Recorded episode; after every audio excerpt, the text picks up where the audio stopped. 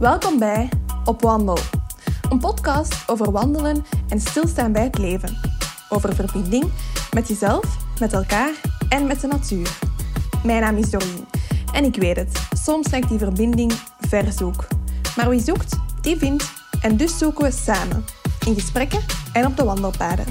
Met deze podcast wil ik je inspireren om op wandel te gaan, om te ontdekken, want buiten is het beter dan binnen.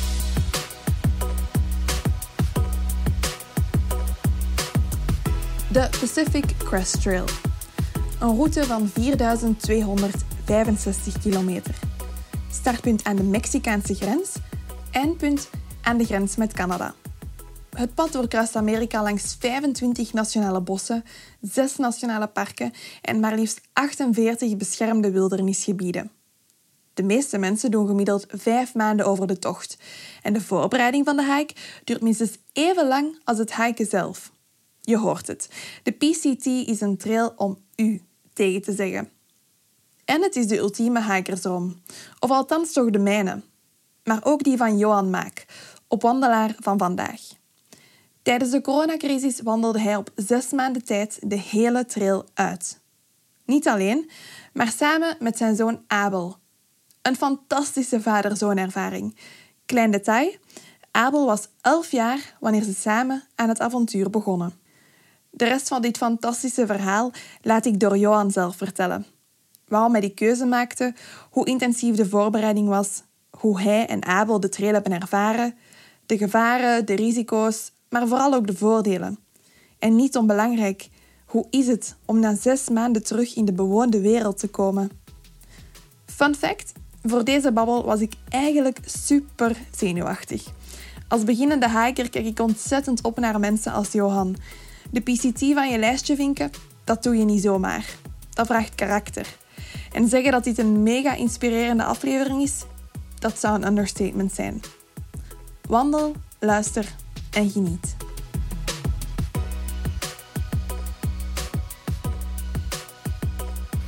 Je bent dan wat ze noemen een, uh, een true hiker. wat betekent die term precies? Ja, uh, ik moet zeggen, die term was een paar jaar geleden voor mij ook nieuw. Het komt erop neer dat je eigenlijk een hele lange afstand uh, wandelt. Dat wil zeggen, als je kijkt op de site van de Pacific Crest Trail, ja. daar noemen ze het true hiker als je dus een plant om een route te lopen van uh, meer dan 500 mijl. Mijl? Mijl. Dat wil zeggen dat je al, dan, dan al uh, 800 kilometer stapt. Dus al oh, ja. een serieuze tocht. Mm -hmm. Maar in principe is het true hiking dus gewoon een doorgaande tocht dat je eigenlijk op jezelf bent aangewezen. Ja, dat je een paar maanden onderweg bent eigenlijk. Hè. Mm -hmm. En wat betekent het voor u? Oh, ik denk dat eigenlijk de, dat idee, op voorhand hadden we daar weinig gevoel bij. Maar een keer dat we aan het stappen waren, dat ik aan het stappen was met mijn zoon, heb je heel snel, echt na een paar dagen al, dat is misschien ook door omwille van de coronacrisis, maar na een paar dagen hadden we al het gevoel dat je tot de community behoort mm -hmm. van truehikers. Mm -hmm. En dat voelt heel stevig. Ja, dat is echt een, een, stevige groep eigenlijk. Je voelt je daar heel snel toe verbonden. Dat is een heel vreemd gevoel eigenlijk, omdat je, je voelt dat je elkaar steunt om verder te gaan. En na een paar maanden je herkent ook op den duur ook wel de true hikers. Mm -hmm. Tussen true hikers en andere hikers kun je goed het verschil zien eigenlijk. Gewoon, zeker na een paar maanden ziet je er zelf al heel verwilderd uit. Ah, wel, ik wou vragen, dus, ja. in uitputting waarschijnlijk. Ja, in uitputting. Iedereen ziet van, van jou dat je een true hiker bent, omdat ja. je er zo verwilderd uitziet. omdat je ja, gewicht verliest, omdat je er eigenlijk ook... Ja, ik ga ervan uit dat je uh, anders ruikt ook waarschijnlijk. Ja, ja. Dus mensen... Het is, vaak deed ik met Abel daar grapten er wel over dat mensen eigenlijk die ons tegenkwamen, dat die vaak ook zo in een boogje rondom ons stapten. Eigenlijk gewoon omdat ze dachten van, amai, zijn precies van een ander planeet gewoon. Dus je voelt je wel uh, op dat moment in die true hiker community. En dat is toch wel helemaal anders ja, dan mensen die een paar dagen onderweg zijn eigenlijk. Mm -hmm. Die zich op een andere manier voorbereiden, denk ik ook. Dus als je zegt true hiking voor mij is vooral meer die die community of die groep zo, ja. die, die beleving meer. Echt, ja, ja want, want eigenlijk het speciale aan zo'n lange afstandstocht is enerzijds misschien wel de, de natuur en lang in de natuur stappen. Mm -hmm. Maar het, het andere facet is misschien nog specialer, namelijk het, uh, het maandenlang afgezonderd zijn van de gewone wereld waarin dat je normaal uh, bent, het maandenlang in de natuur zijn, op jezelf nagewezen, dat, is- dat maakt het wel heel speciaal. En als je dan voelt dat die andere true hikers eh, jullie ondersteunen en, en helpen vooruit te geraken, dat, dat doet wel wat. Tuurlijk, ja, ja. Ja.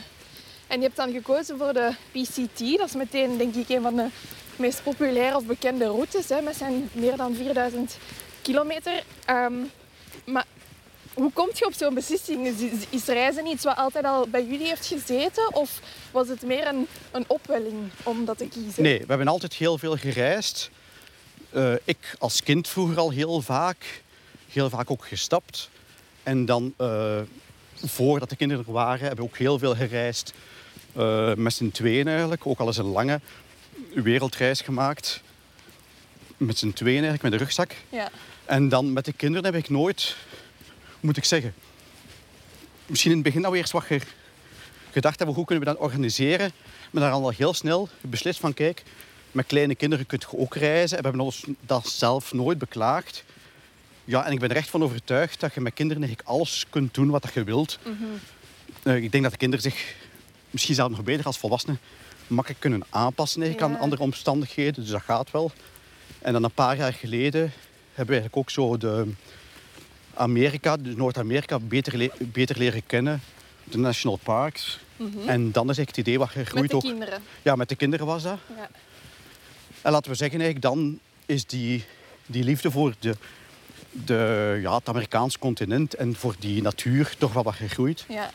En op die manier ja, is die kiem, ja, ontstaat die kiem eigenlijk. En eh ja, denkt je daar meer en meer over na. En dan probeert je na te denken van, kijk, eh, is er misschien een mogelijk om het te realiseren? En Want het was wel uw, eerste true hike echt. dat Ja, ja, zeker. Ja. zeker ja, want het is inderdaad misschien niet evident om dan direct als eerste true hike zo voor de PCT te kiezen.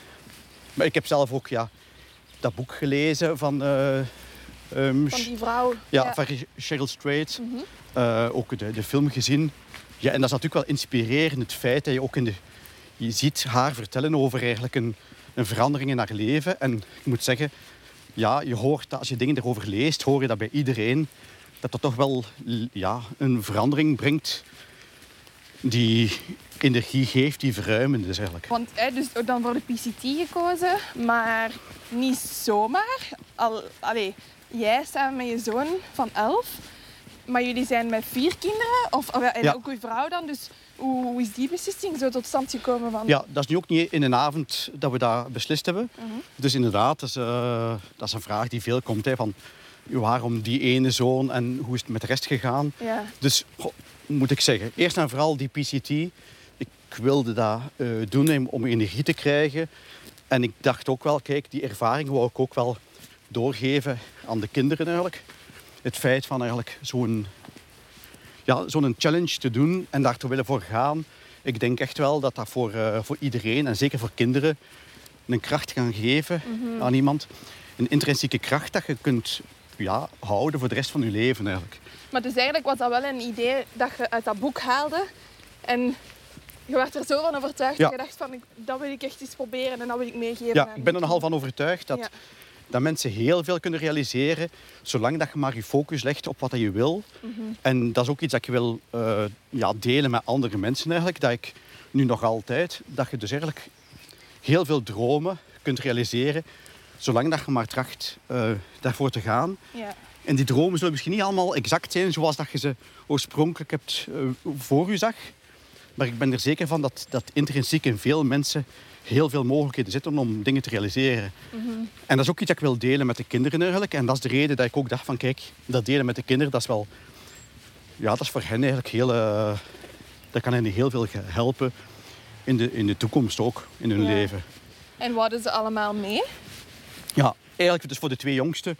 Ja, die meisjes zijn vijf en zeven jaar oud. Dus daar was snel beslist dat, dat, eigenlijk, eh, dat die staptocht eh, niet zou lukken.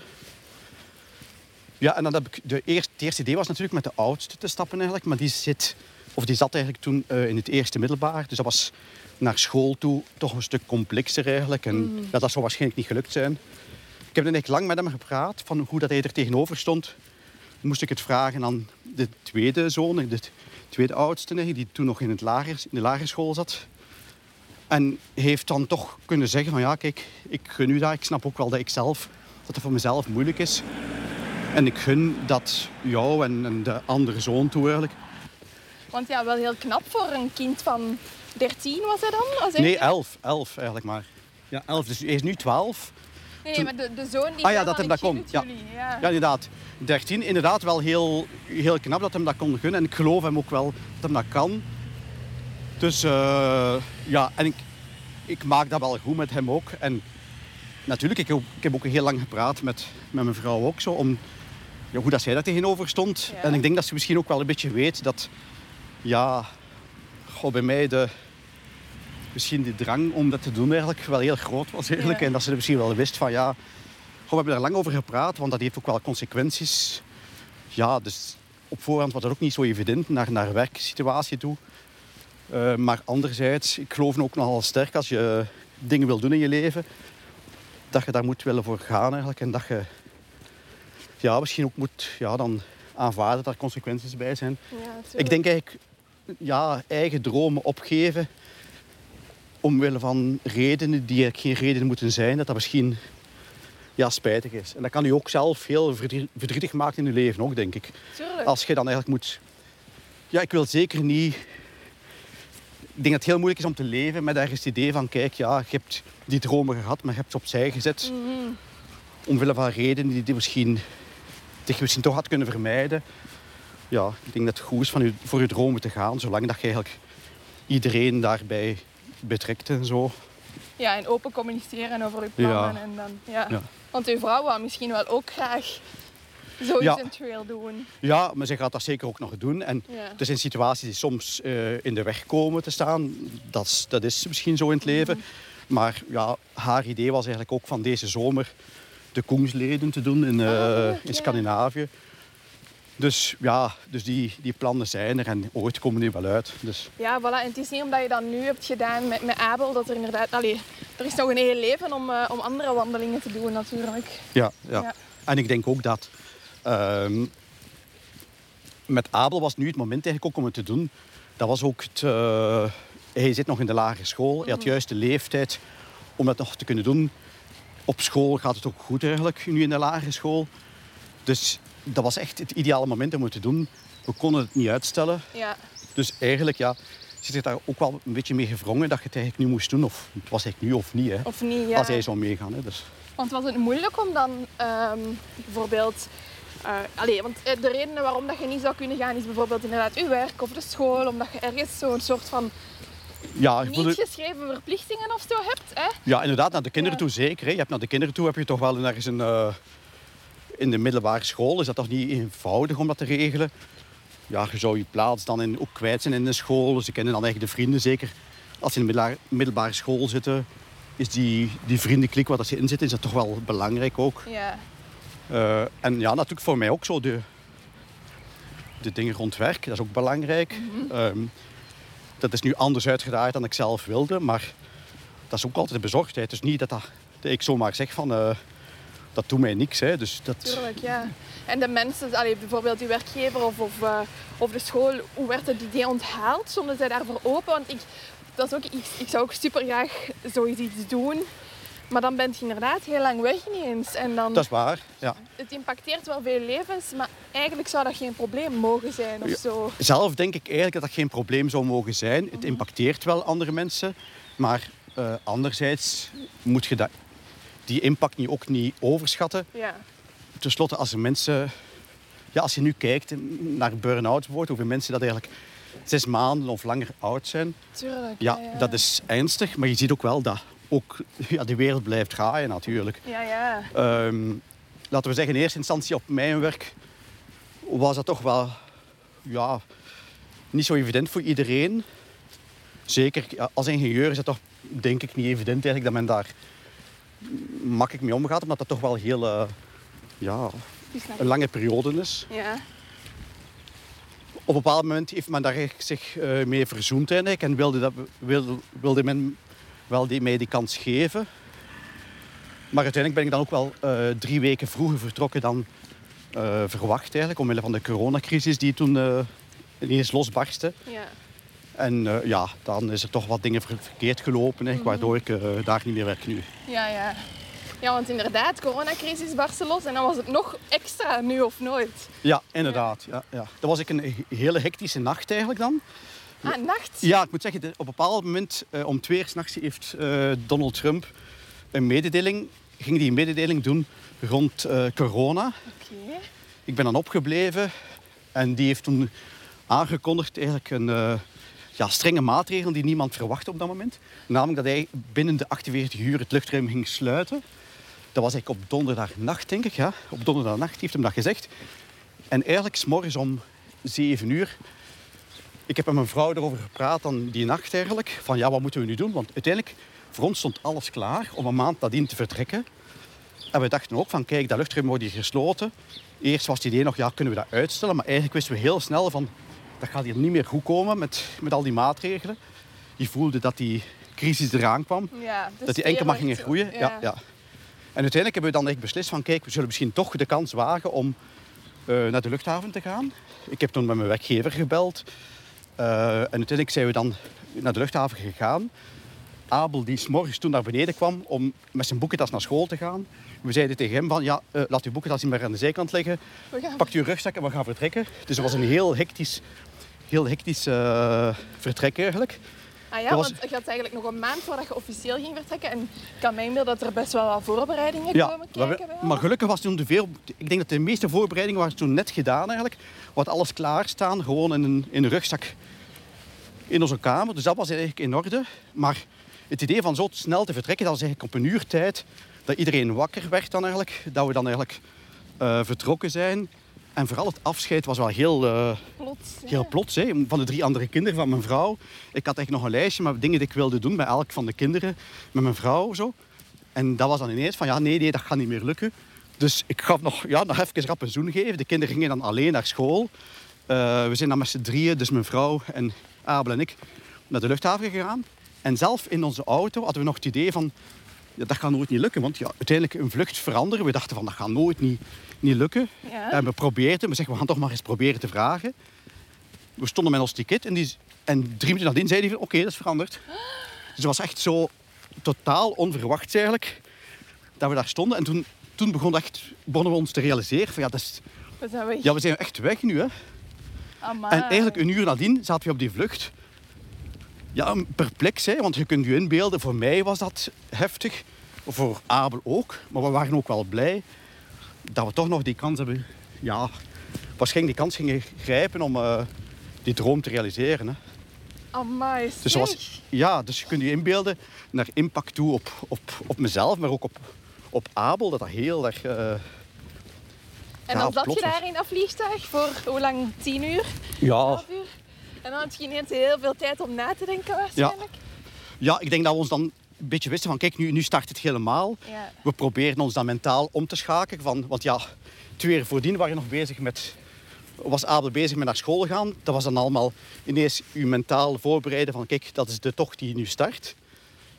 We gingen ook toekomen in San Diego zonder ergens een, eh, een opvangnet daar. Ja. Dus er was echt eh, dan nog even gebeld van we moeten, iets, we moeten ergens een eh, hotel zien vast te krijgen en zo. Maar uiteindelijk loste alles zich op.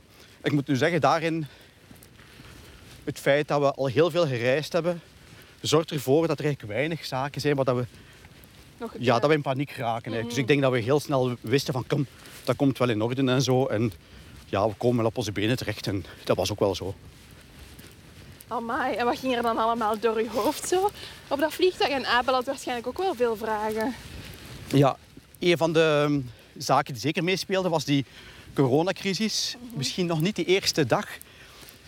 Maar dan, toen dat we ook toekwamen in de Verenigde Staten, merkten we ook dat daar ook wel eh, de restaurants gingen dicht. Eh, dus we wisten ook niet wat de impact zou zijn op die wandelroute. Ja. En dat was misschien, de eerste dagen was wel heftig eigenlijk. Bij de keer dat we dan gestart waren, we zijn dan na vier dagen eigenlijk beginnen stappen.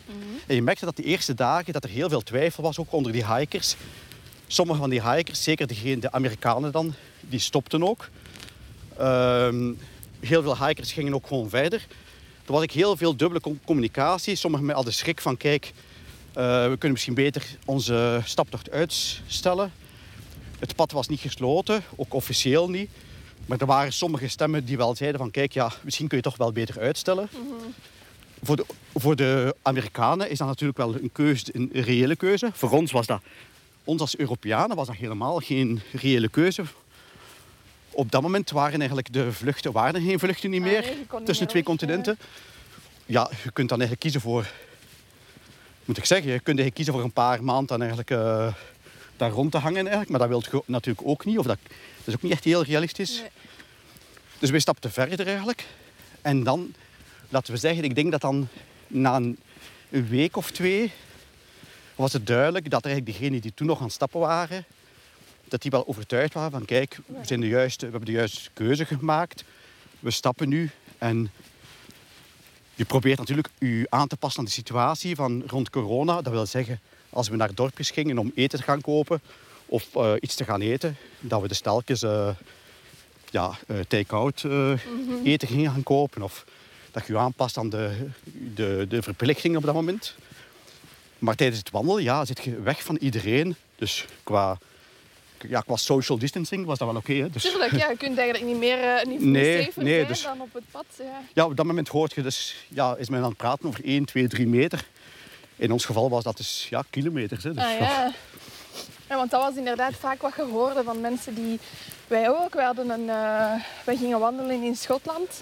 Het ging eigenlijk perfect oké zijn, maar ja, dan effectief vluchten geschrapt. En, of die quarantaineregels, terwijl dat je daar op dat moment waarschijnlijk veiliger waart dan, dan hier in België op, op je werk. Voor te Ja. zeggen, Natuurlijk, het is wel zo dat de eerste weken was wel heel eh, heavy, omdat je dus de, het is vooral de onzekerheid en het ongekende bij veel mensen en ook bij ons die een rol speelden. Hè.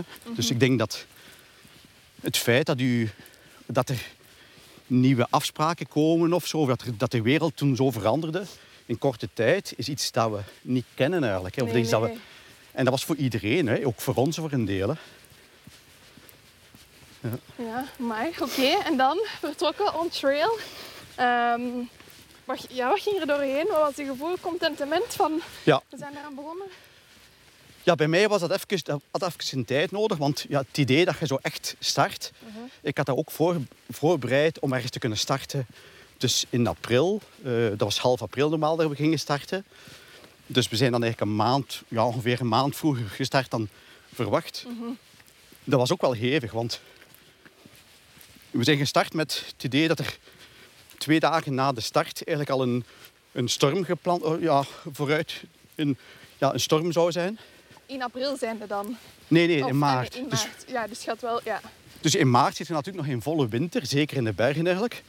Dus er was eigenlijk eh, twee dagen nadat we gestart zijn, was er een storm voorzien. En die eerste dagen, dat stappen ging goed. Je past je een beetje aan aan het leven buiten constant. Maar dat ging wel. En ehm, na twee dagen, we gingen hoog in de bergen, begint dat ineens zo te sneeuwen.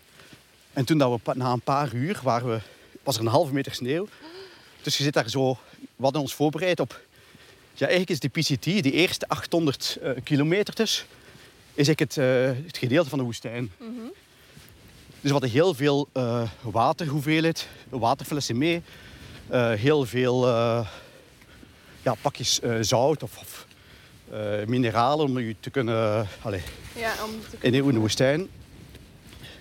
En eigenlijk merkte je dat je dus, dus ja, we zagen op een bepaald moment was er zoveel sneeuw dat we eigenlijk eh ja, hadden ik heel koud ook. We wa- we hadden wel de kleren hadden de juiste kleren hadden we wel, wel bij. Maar we zagen zelf symbolen staan van pas op voor de rattlesnakes in de woestijn. Ja, er een halve meter eh, sneeuw lag eigenlijk. Dus dat was wel heel vreemd.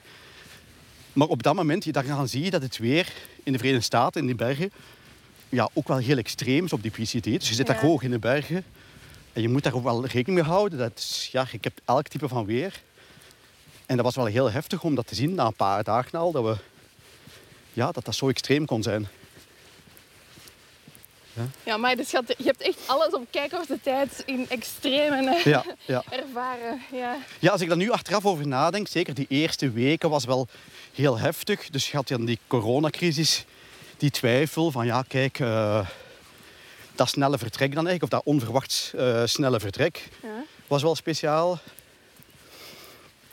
Zeg, je had het al heel kort even over de voorbereiding. Hè? Dus de, Ja. het zout dat je mee had, dat water. Feit dat je weet dat er eerst 800 kilometer woestijn is. Welke voorbereiding kruipt er allemaal zo in zo'n trail wandelen? Ik denk eigenlijk achteraf gezien merk je dat je, merk je dat je heel veel. Ik ben daar heel veel uren mee bezig geweest. S'avonds laat eigenlijk. eh, Alleen gewoon aan de keukentafel. eh, met verhalen lezen van andere mensen, van andere hikers. Ja. Dat is- ik moet zeggen dat wij voorhand. ehm, we hebben veel voorbereid. En achteraf zie je dat je heel veel dingen ook niet meer nodig hebt. Eigenlijk is die voorbereiding, die praktische voorbereiding. Achteraf merk je dat dat eigenlijk vooral een mentale voorbereiding is. Dat je dus je voorbereidt op de avontuur. En zo in het begin weet ik nog dat wij vooraf zo zeiden van ah, we gaan. Ik had dat allemaal ingedeeld in zoveel kilometer. Maar dat kun je Ja. natuurlijk niet volhouden. Hè? Want Nee, als je een keer vijf kilometer mist de eerste dag, ja, is alles verschoven. Dus, maar dat, is- dat is gewoon mentaal dat je je, denk ik voorbereidt. Ja. En, door eh, ermee bezig te zijn. ja, ja, daar, voel- ja. door erbij mee te- bezig te zijn, voel je, heb je een zekere gerustheid. Dat je denkt van, dat komt wel goed. Hoe gaat je dat doen met eten? Hoe gaat je dat doen met eten opsturen? Gaat je dat wel weten waar of hoe? Of... Maar alles wijst zichzelf uit. Je hebt ik weet niet veel mensen die je helpen eigenlijk. En ja, zoals dat wij geleerd hebben door heel veel te reizen, merk je dat mensen, toch heel veel mensen behulpzaam zijn. En dat alles zichzelf eigenlijk ook wel uitwijst. Dat je dus, dat is zoals dat, als we een jaar gereisd hebben, dat mensen ons vroegen van, ja, en hoe was het? eh, en hoe deed je dat s'avonds? Als je niet wist wat dat, je- komt toe met een bus en, en s'avonds, en hoe doet het dan met slapen? Die, Ja, je ziet die kortsluiting in, in die, het hoofd Ja. van die mensen. En dan zeggen ze, ja, maar als jij uit een bus komt, in heel veel landen, staan er tien mensen klaar en die hebben alle tien een logies waar dat je kunt slapen. Mhm. Dus eigenlijk moet je, de grootste stress is dat je nog moet kiezen tussen die mensen. Eigenlijk. Dus niet Ja. dat er iets is, maar gewoon dat je nog moet kiezen eigenlijk. Dus dat komt allemaal wel goed. Ja. Dus, eh, Echt dat vertrouwen van... eh, ja, ja, en je leert dat wel, denk ik. Eh, ik. Ik herinner me nog, als wij lang gereisd hebben, dat wij terugkwamen. En dat mensen ons hier het gewone leven, dat ze dan zo zeiden van... de problemen dat mensen zich hier maken, dat je denkt van... We konden ons daar moeilijk nog aan... Daarin in vinden soms. Zo. Dat mensen Ja. zo problemen maakten in, zo, in dingen wat ik dacht van... Allee, dat is nu toch... Dat is dus de moeite niet waard. Zo, allee. Eh, het is naar rechts. Ja? Oh, ja, dat is dat relativeringsvermogen. Ja, ik denk het wel. Ja. Want bij ons zou het al heel straf moeten zijn. Zo als je, ook bijvoorbeeld als we aan het stappen zijn en we, eh, je hebt een keer een, een avond geen eten of, of veel minder eten. Ja, zo wat. Ik bedoel, ja, het is Ja, niet dat we, we gaan daar niet van doodgaan. Hè. Nee, Dus, allee, terwijl dat, eh, ik begeleid ook reizen, voor anders reizen. Mhm. Eh, en dat is al twintig jaar dat ik dat doe. En dat is dus met een groep van 14, 15 maximaal, dat, dat ik overal in de wereld reis. Dat zijn avontuurlijke reizen. Heel vaak met stappen ook. Ja. En ik vind dat wel ehm, leuk. En dan je hebt wel mensen tegenwoordig ook wel die meegaan, die avontuurlijk zijn, maar die toch wel die, z- het heel lastig hebben om die, dat avontuurlijke, dat comfort of dat, die zekerheid een beetje los te laten. Ja. Allee, hoe moet ik zeggen? Controle gewoon. Ja, controle. Ja. Dat mensen laten dat niet grap los. Dat zo, je dat? Heel de dag gestapt hebben. Eh, ze wil, men wil avontuur. Maar dat eten s'avonds moet wel exact om zes uur daar zijn. Oh. En anders is er precies kortsluiting in hun hoofd. Zo, zodat ik denk van, ja, maar laat dat nu allemaal een keer... Als je misschien, ik zeg maar iets, als je om zes uur dertig eet of een keer... eh, of pas om zeven uur hadden misschien iemand tegenkomen om zeven uur. Dat kan dus nooit pas tegenkomen. Je moet ook zo een toe, lekkerder eten. het, het- ja, of veel lekkerder. Of gaat misschien een opportuniteit hebben dat je anders niet had gehad. Dus je moet soms ook wel een beetje het toeval, een toeval zijn werk laten gaan. Als je kijkt op, op reizen, ook als je zelf reist, de momenten dat je soms het langst zult onthouden, zijn soms ook wel de momenten dat je helemaal op voorhand niet had voorbereid, door iets dat verkeerd is gelopen, dat je iets anders in de plaats krijgt. Dus je kunt niet altijd alles voorzien ook. Hè? Zoals dat je ook niet kunt zeggen, op een staptocht, dat is het mooiste zicht. Dat gaat het meest bijblijven. Dingen die het meest bijblijven zijn misschien ook de momenten dat je met andere mensen daar waart. Ja. Dat de andere mensen met u, ja, dat je je heel goed voelde in de natuur, samen met andere mensen die, die het moment ook heel speciaal maken. Ja. Als ik denk dat de, aan de avonden dat wij... Ja, je noemt dat ook een trailfamily. Zo de trailfamily, dat is eigenlijk gewoon de groepje van mensen waar dat je heel vaak heel nauw bij bent. Ja. Dus die Mooch en die Skytree, onze trailfamilie, met ons vieren. Ja, die avonden dat we samen aten en dat we samen gewoon babbelden, dat is heel intens. Is, dat is misschien daarom niet in de mooiste avonden qua natuur, maar dat zijn wel de, de mooiste avonden geweest van, van dat je je samen heel erg goed voelt. Ja, het gaat meer over het gevoel dat u Tuurlijk, bijblijft ja, dan, ja, dan ja. de dingen of zo. Ja. Dus, eh, Heb je vaak dingen moeten opsturen? Heb je dat ook echt gedaan? Of? ja, ja, ja, Ja. ja. Van eten was het zo dat we... Ik denk dat we een tiental keer eten hebben opgestuurd. En dat gaat ook heel makkelijk. Dat is eigenlijk in de... Je koopt eigenlijk in zo'n een, Walmart... Koopt u eh, uw eten van... Want op den duur eten s'avonds en smiddags en s'morgens ook altijd hetzelfde. En S je morgens stuurt het wel naar jezelf. Het is niet dat je familie van België... Nee, nee, nee. Je stuurt het naar jezelf eigenlijk gewoon. Want in Amerika is ook een systeem dat je dus... Dat blijft daar dan eh, vier weken of zes weken liggen of zo. Ja. Dus en in het postkantoor, dus stuurt het naar een ander postkantoor. En je gaat dat gewoon op het juiste moment gaan ophalen dan. Hè. Dus dat is ik. Ja, houdt echt heel weinig in. Dat kost 15 dollar of 20 dollar. Amai. Dan Ja. dus, eh, ja, je, hebt, je weet dan ook wel altijd van het is in orde, het ligt daar. ja, dat geeft u. Ja, dat, je stuurt soms ook op naar, zeker hoe meer naar het noorden toe, in Oregon en in eh, Washington heb je heel weinig. Je komt geen steden meer tegen, enkel maar een paar dorpjes of soms zo maar een, een winkeltje van een camping of zo. Dus dan is het soms wel handig dat je, ja, als je een keer vroeger in een grotere stad bent geweest, dat je dan eigenlijk ja, zo wat. Ja, u, eigenlijk stuurde dan sneakers op en, eh, Tuurlijk, ja. en tortillas. En, eh, Die sneakers, dat heeft het hem gedaan. ja, de sneakers. Maar eigenlijk is sneaker het enige dat je kunt blijven eten. Ja. We hebben een, echt wel een vergelijkend onderzoek gedaan van al dat soort bars. Ja. Eh, we hebben heel veel, ehm, hoe heette die weer al? Cliff bars. Ik, die ziet je hier soms liggen, maar veel minder. Ja. Daar hebben we er honderden van gegeten. Daar zat ook veel proteïnes in. Dus je eet heel veel meer van die proteïnebars. Ja. Die wel goed zijn om... eh, ja, u, ja, eet nooit geen vlees, dus dat, om, om een beetje een aantal andere dingen op te vangen eigenlijk. Dus heel veel proteïnebars. En als je dan kiest tussen de, de klassieke eh, bars, ja, dan was Snicker is het enige dat je nog kunt blijven eten. Want al de rest... met- ja, ja. Ja, al de rest raakt zo wat beu op den duur. Zo, Oh, kunt, zo, eh, marsen of zo kun je niet blijven eten. Dat is zodanig plakkerig. Ja, dat Allee. is ja, Dat-. Eh, als je... Oh, wat ligt dat? Ik weet het niet zo goed. Nu, kun je het nu nog eten, sneakers? Ja? Ja, maar ik weet dan, nu kopen we dat hier nooit. Maar het is wel zo, als we nu opnieuw gaan stappen, gaan we Terug ja, sneakers. eh, terug niks kopen eigenlijk. Of die Cliff Bars of zo. Cliff Bars was eigenlijk nog altijd onze... Hetgeen dat we liefst aten eigenlijk. Maar Dat sneakers dat weten, dat ze zoveel gegeten worden onder, eh onder trail people. ik weet het niet. Ja, en ik hoort wel van al die true hikers zeggen dat, dat sneaker het enige is dat ze kunnen blijven eten. Want sommige eten wilden niet meer eten. Hè. Zo, Ja, dat is echt Als je kijkt naar het avondmaal, hadden wij drie avondmaaltijden.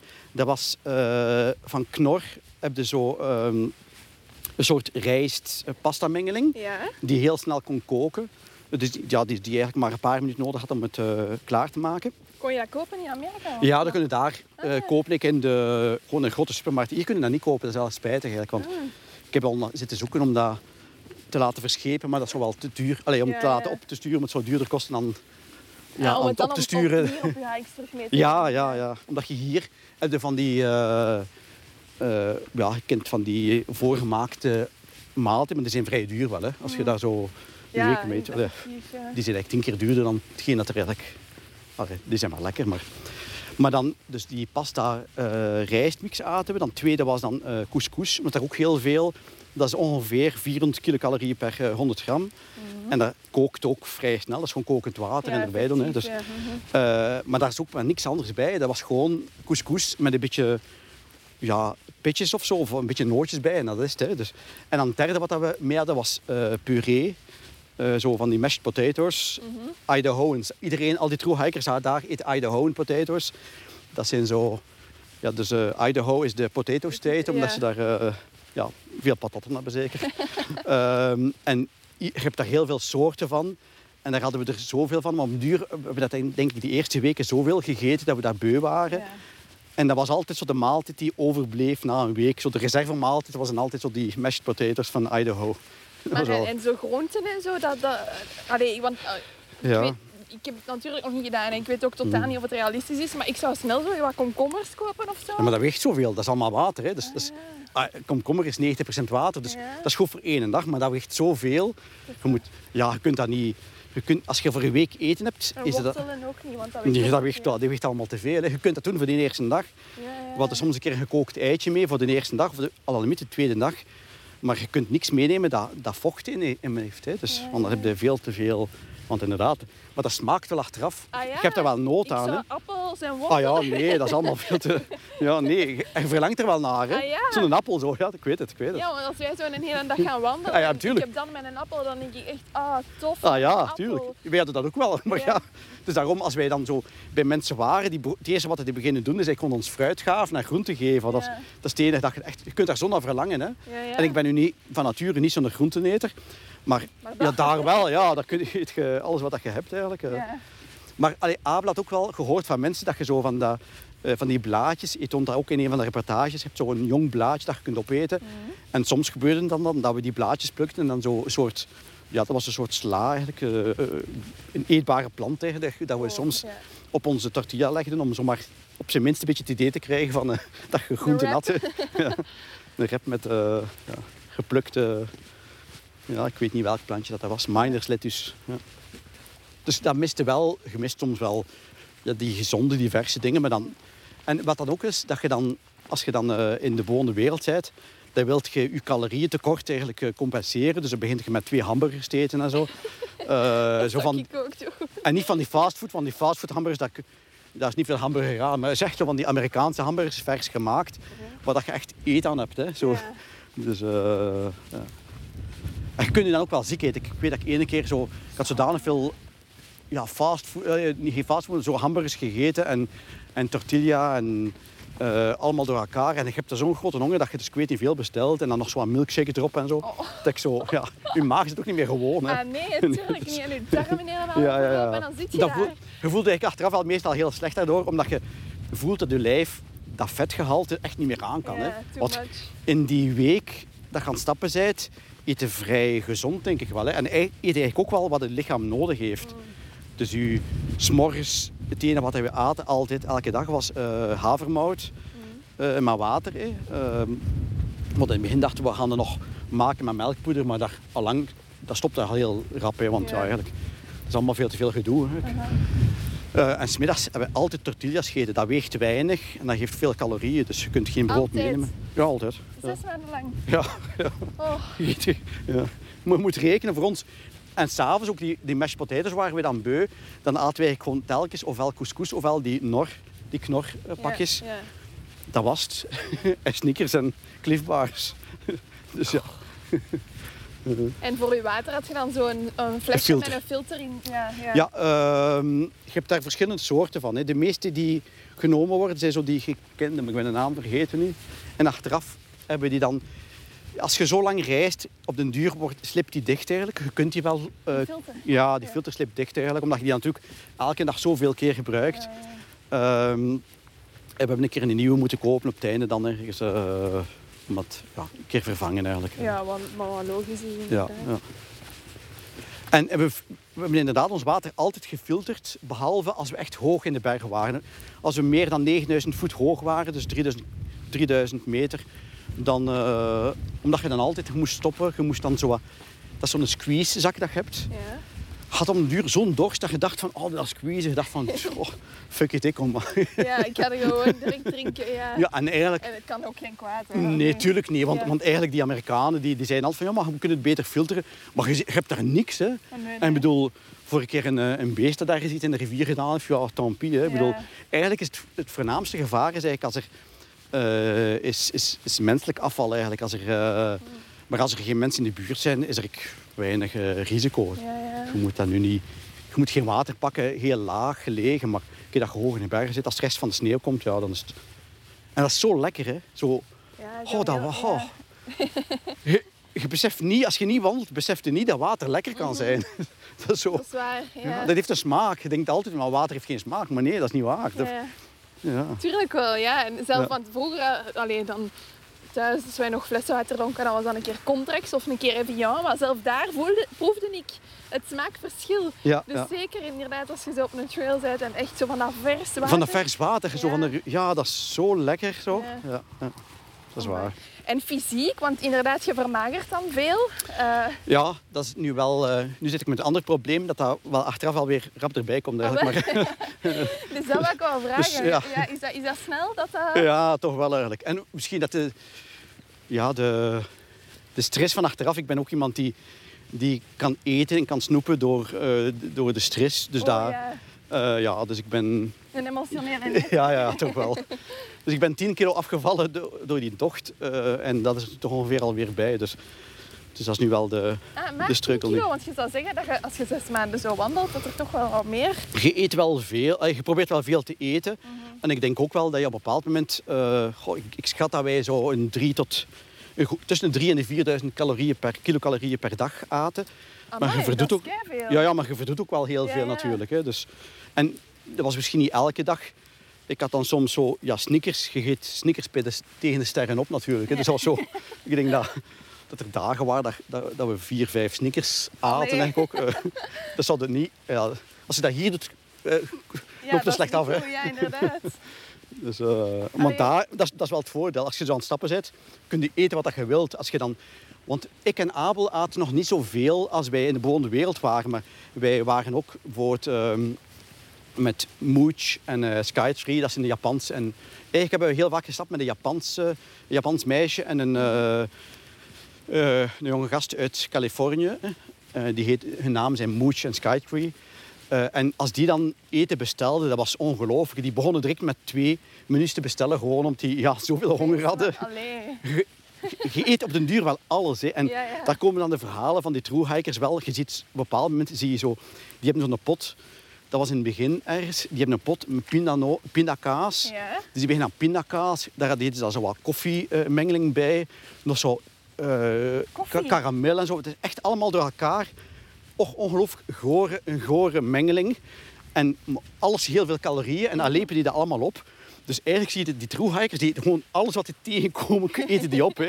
Of dat dat nu lekker eruit ziet of lekker Ook proeft, maakt niet uit. Als het maar, als het maar calorieën zijn Ja, eigenlijk. Hè. ja. Dus, eh, ja. En rook je zelf soms? Allee, stinken? Ik denk, ik denk ja, aan, de af, aan de reacties die van mensen wel, denk ik. Ja. En ik moest Abel wel forceren om soms een douche te pakken. Want als hij na een maand, eh, na een week zo bij mensen was, moest ik hem mij zeggen van kom, nu moet je een douche pakken. Ja, want ja. dat zwart ging er soms ook niet meer vanaf, hè, van die Oh. voeten zo. Dus, en die wilde dat vaak ook niet. Omdat dat zo, ja, dat is een deel van de, moet ik zeggen, van het bestaan. Ja. Van, zoals ik ook mijn baard heb laten groeien, zo, van zes maanden. Je hebt misschien die foto's gezien. Ja, ja, die Dat is- was redelijk imposant al na zes maanden. Dus dat is een deel van ja, iedereen. Al de, de, de mannen laten hun baard groeien eigenlijk. De, dus je ziet er wel wat verwilderd uit. Hè? Mm. Ja. Eh, maar dat hoort erbij. En je voelt dat voor jezelf niet aan. Het is pas als je komt in de bewoonde wereld dat je denkt van oei, ik zie- de rest ziet er allemaal zo clean uit. dat je denkt oei, dat ligt misschien vooral aan mij eigenlijk. Ja, dat, dat moet ook die clash inderdaad. Iedere keer als je terug in Ja. die dorpjes of die steden komt, van wow. En dan, dan zie je toch wat voor een... Allee, dat het een wereld is die wij zelf maken. Hè. Ja, dan zie je ook dat de... Als je ziet met hoeveel kleine dingen dat je content kunt zijn op zo'n trail van eten, gewoon zo heel de ochtend stappen en wij aten dan tortilla. Oh, er was een keer een week waar dat we onze kaas hadden we vergeten. En we hebben dan een hele week tortilla gegeten met gewoon wat olijfolie. Dat was het enige wat we hadden eigenlijk. Eh, Oeh, anders was Met niks anders. ja, we hadden, niks, we hadden het vergeten eigenlijk. Dus we hebben dan eigenlijk een week gewoon, 's middags onze lunch was telkens een beetje olijfolie op onze tortilla doen. Ehm, en maar, dat was, maar we vonden dat wel super. Ik bedoel, je kunt dan zo verlangen naar dat eten. Ja. Ik moet zeggen, het verlangen naar dat eten is zoveel straffer dan het verlangen naar eten dat je hier hebt. Omdat je hier eigenlijk... Ja, ik eet hier nooit tegen een honger. Je eet hier gewoon... Ja, omdat je, omdat je denkt, het is middag, het is avond. Allee, Tijd, Het is de gewoonte om nu, nu iets te eten, zeker. Eh, terwijl daar heb je daar zoveel goesting aan. Dus het, een- zo'n droge tortilla smaakt tien keer beter dan al wat je hier kunt kopen. Ja, Zelf al is het, hetgeen dat je hier kunt kopen, is misschien zoveel gesofisticeerder. Maar niks beter als gewoon het, Gewoon een dat, eenvoudig stukje brood dat je daar hebt. Hè. Op dat moment. Ja. Ja. Of als je in, Oregon of in Washington eh ja, bessenstruiken tegenkomt en je kunt wat besjes plukken, dat is niks zo lekker als wat, Ja. wat daar iets eten van uit de natuur. Hè. Doet mij denken aan, kijk je naar de camping op VRT? Ah, nee. Dat is, nee. programma van eh Thijs van Nesten die een camping opent in de Kempen. Hè? Ah, ja. En daar komen dan jongeren die weinig kansen hebben op de arbeidsmarkt, komen, daar, eh, komen daarbij. Ah, ja. Hallo. Eh.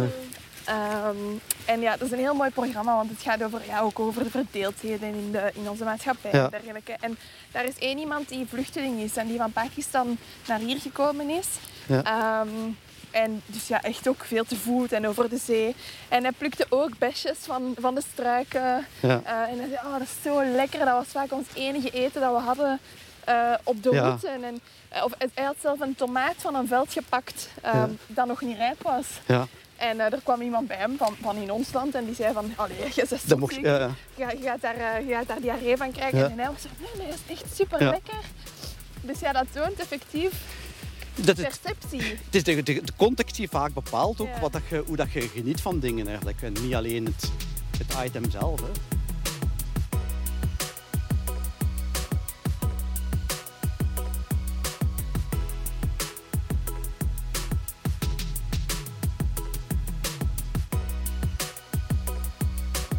Heel veel voorbereiding van het materiaal.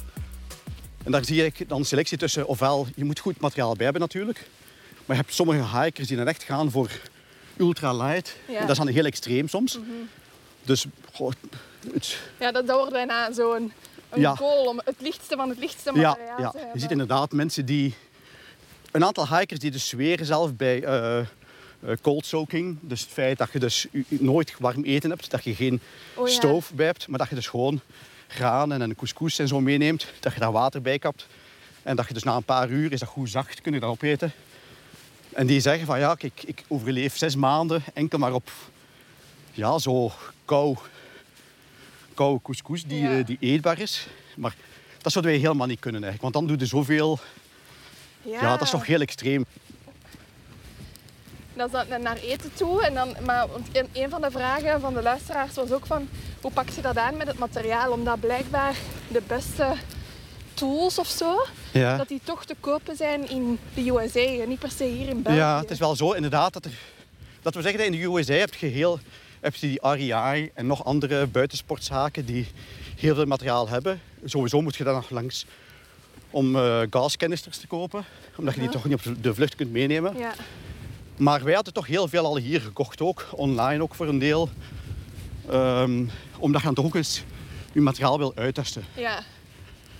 Ik denk eigenlijk als je dan achteraf kijkt, je kunt naar, natuurlijk voor het lichtste gaan. Maar op een bepaald moment, ik moet zeggen, ik heb zelf ook alles afgewogen op de gram eigenlijk. En elke gram telt.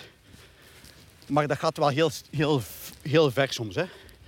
Bijvoorbeeld een tandenborstel, de helft ervan afsnijden. Goh, dan denk ik ook van, ja, die, die 10 gram gaat dat niet verschil maken. ja. Ik denk, 10 gram, dat is, een, dat is amper een slok water. Ja. Allee, dus, eh, dat moet nog wel lukken eigenlijk. Hè. Maar anderzijds, ja, het is niet dat je veel bij hebt. Hè. Dus je hebt het minimum aan kleren mee. Het, het zwaarste is je eten. Dus je bespaart eigenlijk ook ja, aan het type van eten ook. Je wil zoveel mogelijk calorieën per, eh, per eh, Ja, gewicht ja. hebben. Gezond eten natuurlijk ook. Hè. Dat, niet te veel vet gewoon. Mhm. Eh, en in kleren ja, hadden wij net voldoende bij. Dat je warm genoeg gekleed zijn. Ja, hadden wij... ja, want je had zo warme temperaturen, maar dan ook de extreem Ah, koude, zoals in Ja. de sneeuw. Ja. Ja, ja, je wilt nooit te kou hebben. Hè. En Nee. zeker de eerste weken, s'nachts was dat altijd heel veel vriezen. Het was, eh, onze tent is heel veel keer 's morgens dat die onder een laagje ijs zat. Hè. Dus dat was soms wel Ja. een beetje afzien. En dat we soms in, ja, in de nacht wakker waren door de kou. Dus je moet er wel op voorzien dat je goed materiaal hebt natuurlijk. Ja, ja. Om de hoeveel tijd ga je dan van het pad af om in een dorpje iets te eten of om je te douchen? Ja. Dat is ongeveer, denk ik, om de week zo deden we dat. Ah, toch, dat hangt ja. een beetje vanaf. ehm, ja, omdat eigenlijk de, de beperking is daar het gewicht dat je kunt meedragen. Mhm. Het is enkel maar in de Sierra Nevada, dus daar waar je dus eh, al die hoge passen doet. Daar heb je een keer een stuk van negen dagen. Maar alle andere keren kunnen ongeveer om de week kunnen wel eh, bevoorraden. Mhm. Je hebt dat ook nodig. Want als je al je eten dat je telt, 's morgens, middags en 's avonds, als je dat allemaal op een hoop gooit. Ja, we hebben dat de eerste dag op ons bed gegooid, toen dat, vlak voordat we vertrokken. Ja, Dat is een, dat is een enorme hoeveelheid eten natuurlijk. Hè. tuurlijk, ja. Ja, je verzet wel wat eten. Als je dus 10, 12 uur per dag stapt, kun je eigenlijk... eh, je hebt nooit niet genoeg eten om voldoende calorieën binnen te nemen dan dat je verbruikt. Mhm. En dat was ook een bezorgdheid bij Abel. Dat, hij zit nog in volle groei. En voor een volwassene, ja, kun je zeggen, je kunt wat gewicht verliezen. Maar ja, een kind mag natuurlijk geen gewicht verliezen. Zeker niet als hij in de groei is. Dus ik moest echt zorgen. Ik heb met hem echt veel geoefend van... Je moet eten. Dus ik was ook heel streng op. Van, je moest eten. Soms heb je na zo'n inspanning niet altijd honger eigenlijk. Dus hij moest van mij telkens gewoon eten wat, het, wat het er was. Ja. Zoveel mogelijk. Hè. Was dat ook op doktersadvies? Ja, we zijn ook wel naar de dokter geweest, naar een, een sportarts. Ja, en die zei ook van, ja, normaal zal dat wel gaan. Alhoewel, hij zei ook van, ja, de kans dat hij het helemaal doet, is niet zo groot, zei hij. Eh, maar ja, uiteindelijk is het dan wel gelukt.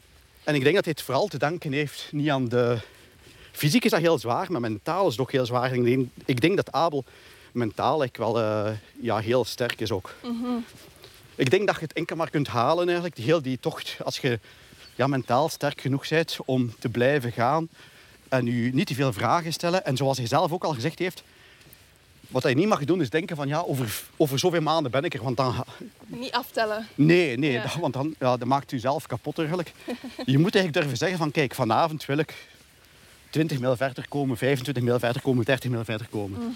Dat mag uw enige doel zijn, op die slaapplek. Je mag zeker niet denken, aan volgende week moeten we, ja, ik zeg maar iets, 200 kilometer verder zijn. Of, ja. Dus echt uw, uw grote plan in kleine stukjes. eh, Ja, ja, ja, want anders komt dat zeker niet goed. Dat is, dat is eigenlijk onnodig.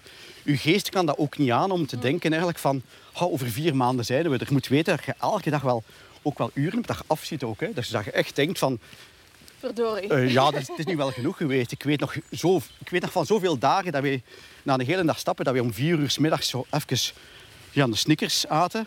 En dat je dan andere hikers hebt die gewoon voor een weekend weg zijn of die gewoon voor een weekje weg zijn. En die dan eh, dachten van oké, we zetten onze tent hierop. En dan hadden wij soms van, oh, dat zouden we nu graag doen. En dan wisten we eigenlijk, nou ja, wij moeten nog tien mijl verder Ja. tot 8, 9 uur s'avonds. Ja, dat is- dan weet je dat je... Dat is niet altijd leuk, hè. Dus, maar dat is een deel van het avontuur. Dus je kunt zeggen dat is niet leuk, maar anderzijds is dat wel leuk dat je weet... Je behoort tot die groep die dat wil vergaan. Ja. En die daar heel veel voor over heeft om daar, dat doel te bereiken. En als je kijkt, 4300 kilometer... Als je dat met de rustdagen die ervan aftrekt, dan weet je dat je eigenlijk een goede 30 kilometer per dag moet stappen. Met een rugzak elke dag bijna Goh, ik denk dat het gemiddeld ergens is, een goede duizend meter stijgen en dalen. Dus dat is ook wel wat klimmen. Elke dag. Ja, ja. Dus Ja. er zit toch wel klimmen bij. Ik denk dat er ergens... Goh, ze zeggen, ik heb het ergens gezien, is niet 18 keer de Mount Everest van zeeniveau tot de top of zo. Ik denk dat zoiets is ergens. En toch, hoe, hoe meer dat je daarover vertelt, hoe meer zin ik heb om dat toch te doen. Zo. Ja, ik denk dat je dat... Ja. Ik moet zeggen, ik heb nooit iemand gehoord die zegt van ik heb daar spijt van. Ja. En dat is hetgeen dat mij eigenlijk ook wel overtuigt. Als je, als je zoiets doet eigenlijk, het feit dat nooit iemand zegt van dat is een verkeerde beslissing. Mm. Ik- met die jaren dat we gereisd hebben, ook gehad. Ik heb nog nooit iemand gehoord die zegt na een jaar reizen, Goh, ik, had dat toch niet, ik zou dat niet gedaan hebben. Dus eigenlijk is de enige juiste beslissing van dat ooit te doen. En als mensen mij vragen, is dat, hoe moeilijk is dat? Goh, dat ligt dan misschien vooral, moet ik zeggen, wat, wat is het moeilijk? Wat is het moeilijke? Wat is moeilijk. Ja. Het moeilijke is echt vooral op een bepaald moment het beslissen van ik ga dat nu doen. En op het moment dat je hoofd zegt van ik ga dat doen, goh, al de rest volgt dan wel.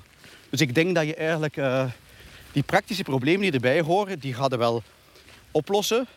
En, en ik denk dat dat soms misschien mensen afschrikt, dat ze denken er zijn zoveel praktische dingen te regelen. Dat, dat klopt ook wel. Maar dat mag misschien geen reden zijn om dingen ja, vooruit te schuiven, denk ik. Klopt, ja. Want al- als, je dat, als, als die praktische zaken er zijn, ja, dan gaat er zijn altijd zaken waarom dat je het niet zou doen natuurlijk. hè. Er Mhm, ja, zijn ja. dingen dat ik achteraf zeg van ik vind het nu ook spijtig, nog altijd. Hè. Maar is dat een reden om het niet te gedaan te hebben? Goh, dat denk ik niet. Mhm. Ja. En zo op die moeilijke momenten, ehm, hadden jullie dan veel aan elkaar? Of, of ondersteunde Abel u? Of Zeker, zeker. Al- alle twee. Ja, ik, ik ben wel soms, ehm, ik ben wel ook wel, denk ik, streng naar hem toe. Mhm. Of soms hard, maar hij ook naar mij toe. Hè. Dus als wij, op, als wij op een bepaald moment op een berg aan het stappen waren, in een zware klim, met heel veel muggen en zo, want er zijn momenten geweest met heel veel muggen ook. Ja, hij stapte voort en hij was dan in een goede cadans. Ik kon niet goed volgen. En dan zei hij toch tegen mij ook soms, kom aan, zeg, een beetje sneller, want allee, we halen het niet. Hè. Dus het is niet omdat hij elf jaar is of dat hij dat niet mag zeggen. Hè. Dat klopt ook wel. Tuurlijk, ja, ja. En soms was hij ook voor en dan dacht ik van, "Tju, nu, nu is hem voor, nu moet ik hem proberen weer in te halen. En andersom, hè. als hij soms eh, het moeilijker had, je hebt niet de luxe om te zeggen, kom, we gaan een, een half uur extra rusten. Ja, dan is het wat het is. En dan, maar het is daarom dat ik zeg ook, die mentale kracht, die je moet hebben eigenlijk om dat te doen, die, die is groot en je traint daarin. En je bent wel blij achteraf, op het einde van de dag, ben je wel blij dat je dat gedaan hebt. Dus altijd terug een overwinning zo. Ja. Elke dag weer opnieuw eigenlijk. Elke dag opnieuw als je ergens je tent hebt, je, je zet je tent op, je kookt snel je eten eigenlijk. Je schrokt dat eten binnen, omdat je dus ja... Dat is het enige wat, dat is je aan denkt. Je zit uren aan het denken van dat eten, dat eten, dat eten. Je schokt het dus met twee ergens zit die pot leeg. Het is bijna eigenlijk zo'n stok dat je bovenuit hebt Ja. met, je- met je snickers daaraan. Ja. En dan daarna gaat je slapen. Maar dat idee van slapen is nooit zo plezant geweest. Zelf al is dat, dat matje hard. Ja. Dat, is, dat doet zo'n deugd na zo die inspanning. En het leven is echt heel eenvoudig. En dat is die, die grote aantrekkingskracht komt door die eenvoud, denk ik. Ik denk, wat ik nu lastig vind, is zo die complexiteit in het leven hier. En als je dan kijkt, die eenvoud van daar in de natuur te zijn, dat geeft zo'n kracht. Ik heb dat aan sommige mensen ook al gezegd. Die, die luciditeit dat in je geest op dat moment is, om over dingen na te denken, die is zo groot. Ja, dat is, dat is, en ik denk dat dat de kracht van de natuur ook is. De kracht van daar alleen te zijn, die inspanning te leveren, dat geeft je echt wel energie op, op alle niveaus. Ja, ja. Er, is- er is heel veel wat wegvalt, waardoor dat je tijd hebt om met andere dingen bezig te zijn. Of. Ja. Een, soort vrijheid dat je Ja, die, krijgt die wel. eenvoud van het leven is eigenlijk dat je... eh, je hebt natuurlijk bepaalde zorgen naar, naar, naar thuis toe. Ja. Maar anderzijds, het leven daar op de PCT ja, is stappen, eten en slapen. En meer doe je niet. Hè. Mhm. Want wij hadden kaar, een kaartspel mee. We hadden zo een mini-kaartspel, een, een schaakspel. Dat is er nooit van gekomen, omdat je daar... Dus je doet gewoon die drie dingen en that's it. Ja. Maar dat is meer dan genoeg. Heb je ooit verveeld? Ehm, niet, niet, niet verveeld, nee. Ik heb, dat stappen was nooit eh, vervelend. Dat was soms hard, dat was soms lastig, dat we wisten... eh, het is nu een paar uur stappen. Ik ben wat moe, ik zou liever wat rusten. Ja. Maar dan stapt je door. En als je dan... Ik zei soms tegen Abel van, kom, je moet nu niet meer praten dat het nu lastig is. Of omgekeerd, hij zei tegen mij ook van, kom, eh, stop eens met zagen nu. Eh, en dan gingen we verder. Dan babbelden wij soms een uurtje niet met elkaar. En eh, ja, en na een uur zie je weer zoiets mooi. De, de mooiheid, ik kan dat niet beschrijven, de mooiheid dat we ervaren hebben om van ergens te komen, ergens opnieuw op een nieuwe kam te staan, om een mooi plekje te vinden in de natuur, die dieren te zien eigenlijk. Ja, dat is zo overweldigend dat dat alle moeite waard is eigenlijk. Ja, Dus- het is eh, de natuur die rond u is, die, die het echt... Allee, die u bezighoudt ook waarschijnlijk. Ja, ja. ja. Ik denk de natuur en het feit dat je eigenlijk gewoon... Ik heb ook nog wel gezegd, de natuur voelde echt aan als een compagnon eigenlijk. De, moet ik zeggen, je vindt veel kracht in, kracht in de natuur. En het feit dat de natuur ook, die is ook onverbiddelijk. Hè. In het begin heb ik al gezegd, je hebt daar een bepaald moment heb je die sneeuw. eh Abel zijn vingers deden zo'n pijn. Je had soms... Voor Cold Frost echt. ja, echt dat, hem, dat zijn vingers heel moeilijk konden bewegen van de kou. Ja. Op een bepaald moment in de Sierra Nevada moesten we dan door eh, bergrivieren waden. En dat was dan niet zo hoog, maar dat was dan zo koud. Dat was echt, Ja. Er was ook, lag ook ijs in de. Ja. Die, die voeten deden zo'n pijn. Je was aan het wenen, aan het huilen van de pijn eigenlijk. Van, dat je bloedvaten op dat moment eigenlijk eh, echt er pijn van doen.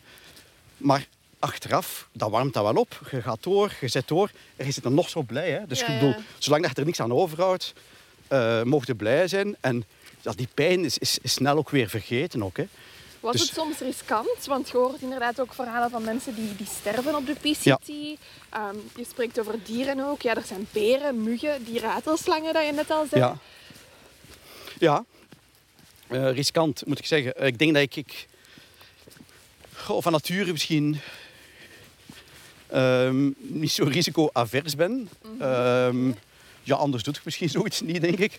Dus inderdaad, eh, er zijn risico's. Die ratelslangen. We waren nog maar 500 meter eh, vertrokken en Abel was al bijna op ene gestapt. Dus het was al direct wel, oei, Oh, nee. dat was nu maar een kleintje. Hè. Maar ik ben ook eens bijna op ene gestapt eigenlijk. Eh, en dat is dan het gevaarlijkste. Normaal gezien zullen die niet zoveel, zullen die niet bijten. Het is maar alleen als je dan natuurlijk echt erop stapt.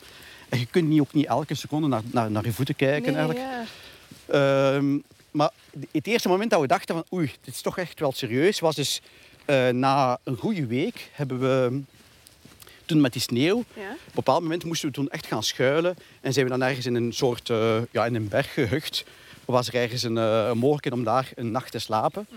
Ehm, en daar hebben we met een achttal hikers, ja, je weet hoe dat true hikers zijn, voor het goedkoopste eigenlijk, gehuurd één, één kamer met eh, een aantal bedden. En voor de rest gaat iedereen dan op de grond gaan liggen. Dus ge- gehokt allemaal samen Ja. om warm te hebben eigenlijk.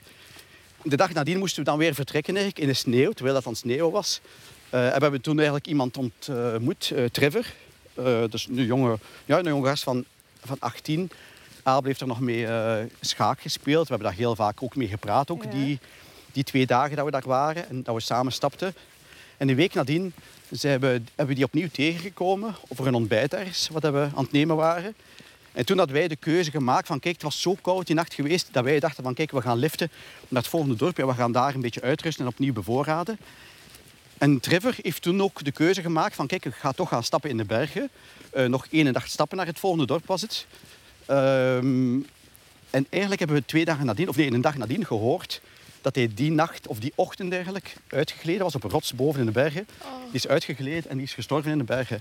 Gewoon dus. En is zo hard dat dat overkomt, dat is iemand dat je eigenlijk de dag voordien nog gezien hebt. Tuurlijk. En zeker voor Abel ook om te weten dat ja, dat leven eigenlijk ja, toch aan een zijden draadje hangt soms. Hè.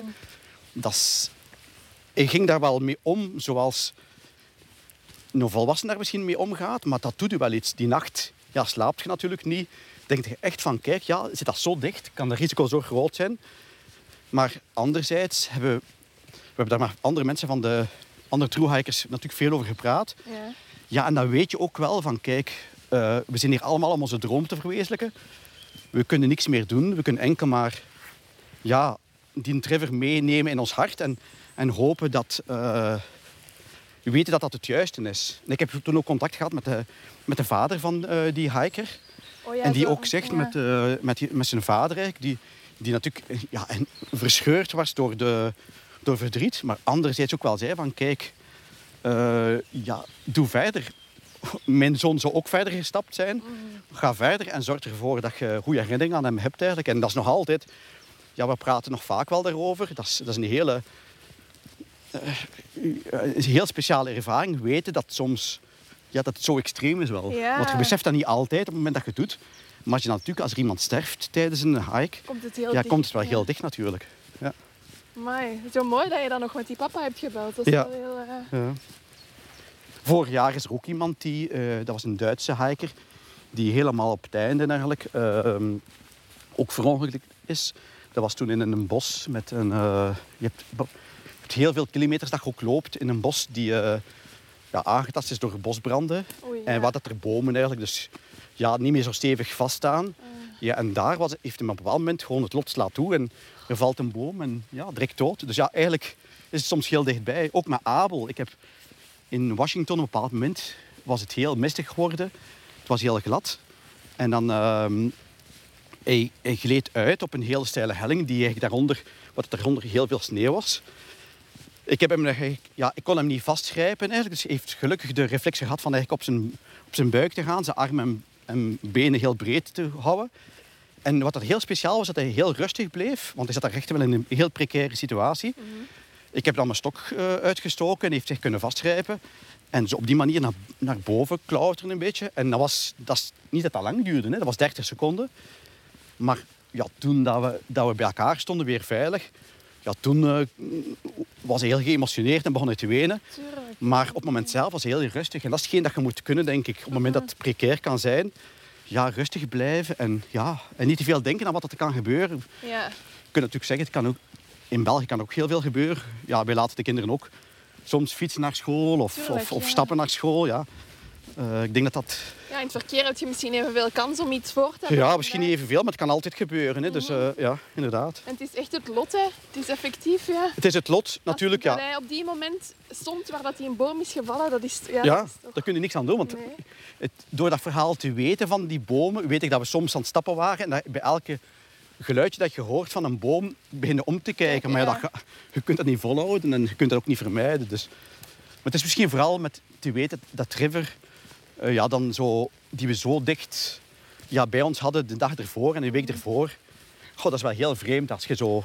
Als ik, ik heb nog een foto waar dat je Abel ziet schaken met River. Ja. Dat is wel heel vreemd om te weten dat iemand van 18 jaar die zo gezond is, ja, dat hij er gewoon van moment naar moment er niet meer is ineens. Dat is heel vreemd, hè? Ja. Maar... Zeg, en denk je dat je het alleen had kunnen doen? Ik weet het niet. Eh, ik ben wel heel blij dat, dat Abel de- mee was. Want zoals ik, ja, ik heb gezegd het al, Abel heeft mij ook wel heel erg ondersteund ook. Ja. Ik denk, de meeste mensen do- doen dat natuurlijk alleen. Hè? Dus dat is, eh, ik denk, er waren ook heel weinig kinderen op de trail. Eh, ik denk dat we één iemand gezien hebben van, eh, ook van een, jaar of 14, 15. Maar anders hebben we geen kinderen gezien. En daarom dat, dat Abel ook wel zo gekend was in die community. ja. Hij was, wat was zijn naam weer? Beast Mode. Beast Mode, ja. Ja, want we geven, ja, je geeft elkaar een naam. Hè. Beast Mode is zijn naam. Dat is eigenlijk een, eh, een, een nickname van een American voetbalspeler uit eh, de staat eh, Washington. Ehm, alleen, ja, moet ik zeggen, ik heb veel aan hem gehad eigenlijk. Ik vond ook wel, dat hij heeft me echt wel kunnen steunen eigenlijk. Alleen zou misschien nog een andere ervaring geweest zijn. Ja. Ik ben ook vaak met andere hikers gestapt die je zo dicht bij je aanvoelt. Dus het is niet omdat je alleen stapt dat je daarom al die uren alleen zit.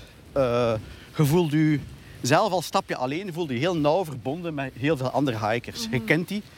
Zeker dit jaar met corona waren er, heel, waren er veel minder. Dus je kent die heel veel ervan, van die Omdat je hikers. elkaar regelmatig tegenkomt. Je komt elkaar tegen. Je hebt ook natuurlijk je, via Facebook de bepaalde groepen die dan in die, eh, Ah, ja. over die... Dus je, je, je ligt elkaar in voor dingen die er kunnen gebeuren. Of dingen, ja, ik zeg maar iets, ehm, bepaalde omwegen die er zijn. Door een bosbrand of zo, of door dat soort zaken. Ja. Je, je ligt elkaar in. Dus je babbelt ook met elkaar, je kent elkaar. En heel vaak zeg je van, ah ja, eh, oké, als je iemand tegenkomt, tot de volgende, tot de volgende eh, ontmoeting eigenlijk. Je weet nooit wanneer. Dat kan over een maand zijn, dat kan over drie maanden zijn, dat kan over een week zijn. Je weet dat meestal niet. Echt een team van, van Ja. hikers. Zo. Ja, ja. Ah, tof. Ja. Maar toch, op de moeilijke momenten was het misschien wel fijn om iemand Ja. bij u te hebben. Om... Ik denk het wel. Ja, Ja. Ik denk ook zo het feit van dat, ja, dat soms te kunnen delen helpt wel. Ook te kunnen het genieten dat je hebt eigenlijk ook in de natuur. Dat soms eens te kunnen zeggen aan, eh, aan, aan Abel ook en zo. eh, Ja. En omgekeerd. Ik zeg het, ik denk dat hij zelf ehm, er heel veel kan aan hebben of, of zal aan hebben in de rest van zijn leven. Mhm. Dat was ik de voornaamste motivatie. Maar ik denk ook wel dat ik ook heel veel aan hem gehad heb. Dat hij mee was. En eh, om, ja, om samen dat te kunnen doen eigenlijk. Ja. Dus dat maakt ons wel sterker. Ik wou het ook vragen, welke band heb je nu? Is uw band met Abel anders dan met uw andere kinderen? Goh, ik denk het niet. Ik denk het niet, want je zou dat kunnen verwachten eigenlijk. Maar anderzijds, goh, ik denk dat ik eh, naar al de kinderen toe probeer daar het beste uit te halen. En wat ik vooral, en wat dat we samen eigenlijk doen met mijn vrouw eigenlijk, is dat we proberen al de mogelijkheden dat ze hebben, dat ze die zoveel mogelijk benutten. Dus ik denk eigenlijk, Abel heeft dat gedaan nu in die staptocht. Maar dat is ook iets dat we doen met de andere kinderen eigenlijk. En er zullen nog dingen komen ook. Bijvoorbeeld onze oudste, die speelt, ik weet niet hoe piano, maar die doet daar alles zelf voor. Dus die, dat lukt wel om dat te doen eigenlijk. En die, heeft er, die pluk- plukt er ook de vruchten van. Dus ik vind het wel tof dat je, je, ja, dat als je capaciteiten gebruikt, wat dat je kunt, daar het beste uithaalt, dan vind ik dat heel fijn als, Ja. als mens eigenlijk. En dat is hetgeen dat we proberen te stimuleren bij hen eigenlijk. Ja. Zeg, en zo de beren, bent je dat tegengekomen? of? Ja, ja, ook beren. Dat was in het begin, dat was misschien nog onze ehm, grootste schrik van dieren. Eh, zijn de beren toch wel, eh, eh, ja, je hebt ook de mountain lion, maar mountain lions, daar is het, Is dat een- zoals een links? Moet, is dat zoiets? Of, dat ken ik is het nu links, ja, ik weet niet wat de Nederlandstalige naam is van de mountain lion. Ehm, ja, ik zou het moeten opzoeken. Ja. Maar dus die, het probleem is een beetje van een mountain lion dat die, eh, als die, je ziet die bijna nooit, we hebben die niet gezien, maar als die aanvallen, die hebben echt een instinct van aan te vallen eh, als ze zich bedreigd voelen. En dan kunnen heel weinig doen. Dat is een katachtige die eigenlijk eh, Ja. ja, blijft zo blijven aanvallen. Dus ja, die wilde ik niet zien. Dus, hè. Nee. We hebben die ook niet gezien, Allee, gelukkig. Maar er zijn nog gevallen geweest. Er is ook een paar jaar geleden iemand die dan eh, ja, daardoor aanval- aangevallen is geweest. En die daar, ja, dat is niet goed gekomen dan. Maar, Nee. maar beren ook, ja, je hebt, het, zijn vooral, het zijn natuurlijk niet de grizzlyberen zoals in Canada. Maar het zijn wel, eh, natuurlijk, je hebt altijd schrik voor beren. Dat zijn ja, enorme grote beesten. Ehm, ja, zeker als een beer ergens zich bedreigd voelt, omdat die ergens een, eh, als er een jongen eh, in die Ja, buurt zijn. De eerste keer dat we een beer tegenkwamen was nog in Californië. Dat was heel laat s'avonds, het was, het was al zeven uur. Dat we nog aan het stappen waren, al uren alleen eh, dat we aan het stappen waren. En ineens Abel gaat om een hoek en we horen ergens een takje kraken. En ineens zien we een beer weg, weglopen, want we hadden, we hadden ge- geleerd eigenlijk van als je een beer ziet, dan moet je met die stokken je groot maken. Ja, en. Abel die is begot, eh alleen dus ik weet niet hoe klein eigenlijk, die stond er met zijn stokken te roepen, te roepen. Maar die beer was al lang, alleen 100 Ja, meter ja. ver. We hebben toen ook gezien dat een beer wel heel rap kan lopen. Eigenlijk. Dus als, je, als een beer naar u loopt, dan kun je het wel eh, vergeten. Eigenlijk. Dus, maar gelukkig was die beer wel snel weg. En dan hebben we nog, eh, ook in de staat Washington, hebben we nog eh, een paar keer beren tegengekomen. Eén keer in het, eh, in een national park, waar er heel veel zaten. En opnieuw, die was zo wat besje. We hoorden eigenlijk in de struiken ja, eh, beren bezig. En we zagen aan een bepaald moment, en dat was echt maar een meter of tien voor ons. En we begonnen zo met onze stok te, eh, te slaan en zo. En zo wat lawaai te maken. En in een van de filmpjes van Karwit hoorde mij ook zo woe, woe, woe, woe naar die beer toe doen. Ah, ja, En het idee was eigenlijk dan van dat die beer eh, zou weggaan. Maar die was daar gewoon besjes aan het eten. Die keek even zo op van... Tja, er zijn er precies nog, nog een paar van die lawaaimakers. Maar voor de rest... Ja, die was... Ja, moet ik zeggen. was niet, niet, Niet echt onder de indruk eigenlijk, ja. ja. En dan hebben we eigenlijk die beer moeten passeren op een paar meter afstand. Maar kom, er is niks gebeurd. Hè, dus. Maar dat is inderdaad die, die ontmoetingen met dieren. Dat is, als je s'morgens opstaat en je ziet, een, je ziet een hert of zo op een paar meter van u staan. En je kijkt elkaar in de ogen. Dat is zo speciaal. Dat is zo... Ja, dat eh, Eh, dat is iets, ik denk, moet, moet ik zeggen, in Europa is het toch moeilijker om stukken natuur te vinden waar dat je dat zo dicht tegen zit. En ik ben heel erg verwonderd van de... Als we aan het stappen waren op die PCT, ben je dus dagen weg van de bewoonde wereld. Zeker in Washington, de laatste eh, 50 kilometer, dat is, daar heb je geen enkele weg niet meer. Dus dat is, dat is ene berg, enige berg, de ene berg naar de andere, de ene vallei naar de andere. Enkel maar natuur, hè. Dus dat is heel erg impressionant eigenlijk. echt alleen op de wereld. Ja, Ja. ja. Zeg, en je zegt, want we hadden geleerd om als een beer komt onze stokken boven te, Ja. te doen. Is dat iets wat je zelf dan hebt geleerd? Of heb je daar een soort van verdedigingsles Nee, of zo nee, nee. Je, je, ja, je leest dat, dat soort zaken. Als tip lees je. Ja. Van beren heb je heel wat zaken dat je kunt... Je hebt ook zo mensen die berenspray hebben. Ja, Niet roehikers, maar berenspray. Ik zou ook niet goed weten hoe dat je dat moet doen. Eigenlijk. Want moet je dan wachten tot die beer eigenlijk vlak bij u is. Mm. Ja. Dus, ik, allee, dus ik heb dat nog nooit moeten toepassen. Ik moet zeggen, eh, in de Sierra Nevada hadden we ook een berenton. En dat is ook verplicht. Je hebt ergens een, een gedurende een 150 kilometer of zo, of 200 kilometer, heb je ergens een stuk waar dat je een berenton moet hebben. Dat wil zeggen dat je al je eten daarin steekt, s s'avonds. Je schroeft die goed dicht. En je kunt die, een beer kan die niet openen. Dus die is enorm goed dicht gedaan eigenlijk. En je moet die eigenlijk al je eten plaatsen eigenlijk op eh, voldoende veilige afstand weg van je tent. Oh, Omdat de beren, die kunnen daar ruiken. En je wilt niet dat beren eigenlijk s'nachts naar je tent komen en daar openen. ja. Dat is ook verplicht. En u opeten? Ja, voilà. Dus, eh.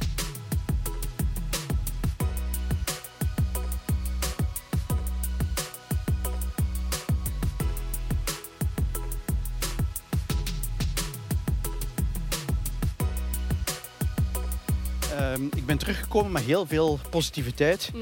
Met die, oh, ik die positieve, positieve vibe die er is onder die community. Dat kan ik moeilijk uitdrukken, maar dat is zo sterk Ja. dat je dat de, de laatste dagen hè, dat we aan het stappen waren, ehm, zagen we nog andere hikers. En dan zeiden van, ah, oké, eh, we zien u wel. Maar je wist dat je toen de laatste keer die mensen zag. En dat was, we waren eigenlijk ook we waren blij dat we er waren, maar we waren ook wel triestig aan het worden. Je merkte dat de laatste dagen dat we aan het stappen waren, kwam er een soort triestis over ons, die zowel over Abel als over mij, dat je wist eigenlijk, het is bijna gedaan. Ja. En dat was een heel vreemd gevoel eigenlijk, omdat je, je hebt daar zo maanden naartoe, je hebt vijf, zes maanden gestreefd. Ja, dus ook kwam, de laatste dagen kwam dat heel fel op. Ehm, en je wist eigenlijk wel, de mensen dat je zag, of dat je nog eens even eh, een goede dag zei, van dat is de laatste keer waarschijnlijk. Ja. Die komen ook van overal, dat waren Australiërs, dat we al lang kenden, eh, Amerikanen. En van die meeste weet je, ik ga die niet meer zien. Maar anderzijds, je weet ook wel dat die, die zitten nu in je hart eigenlijk. En je weet dat je die, die zitten veel dichter in je hart dan mensen dat je soms heel lang kent al. Oh ja. En dat geeft wel een heel speciaal gevoel eigenlijk. Dus je voelt je nog altijd, ja, zoals ik er net vroeg van true hiker. Ja. En je voelt je nog altijd true hiker. Dus je voelt nog altijd dat je daar een deel van die gemeenschap bent. Ja. En dat maakt het wel speciaal. Dus die, die invulling van het woord true hiker heb, heb ik nu nog altijd. Eerder, misschien nog meer nu dan voordat we starten. Eigenlijk. Omdat je ervoor is het eigenlijk gewoon ja, een doorgaande tocht. Ja. Maar het is toch precies een, een groep apart zo. Dus het feit van, ja, je zit samen, die community, en je wil dat raken, dat maakt het speciaal. Het is niet enkel... de persoon die je geworden bent. Ja, misschien wel, ja. Dat ja. u een true hiker maakt. Ja. En hoe was het voor je om terug te komen? Welke verschillen voelde je tussen on trail en hier eh, in ons Belgelandje? Ja, ik denk dat de, die positieve vibe die ik heb ervaren gedurende al die maanden... Ik had op dat moment het idee van, kijk, ik, zal, ik wil daar iets mee doen. Ik wil dat overbrengen naar andere mensen toe. En in die zin was de confrontatie met terug thuiskomen was die wel groot. Dus ik had dat wel verwacht voor een deel, dat je in een zwart gat valt. En iedereen zegt u dat.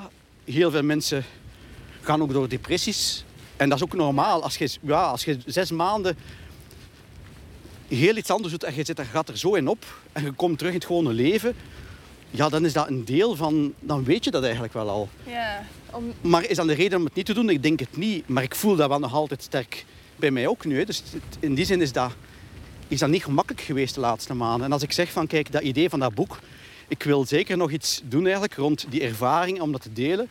Maar ik moet natuurlijk terugkomen in dat idee van die positiviteit. En ja, de laatste maanden is het niet altijd makkelijk geweest door, de, ja, door de, het hectische van het leven van alle dag natuurlijk. Dus je, je- je moet je terug in dat ritme krijgen. Zo. Ah, wel ja, je komt terug naar een, je leven dat uit drie dingen bestond. Stappen, eten en hiken. Komt nu naar een leven met ja, 50 dingen. Met heel veel complexiteit, met complexe relaties met andere mensen. Die het niet makkelijk maakt altijd. Want je hebt complexiteit tussen relaties, die, dat is natuurlijk een deel van het leven.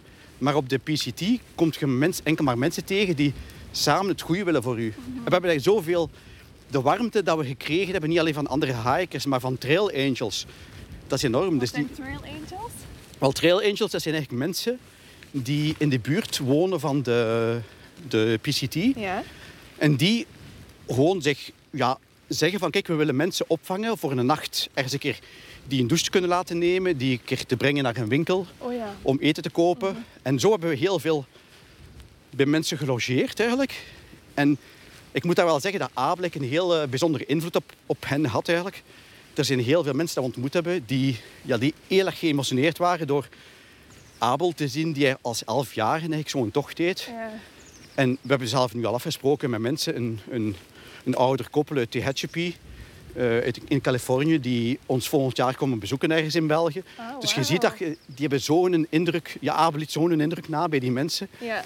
Die, en ik denk wel inderdaad dat dat is inspirerend blijkbaar geweest voor sommige mensen. Dat ze zien dat een elfjarige zoiets kan.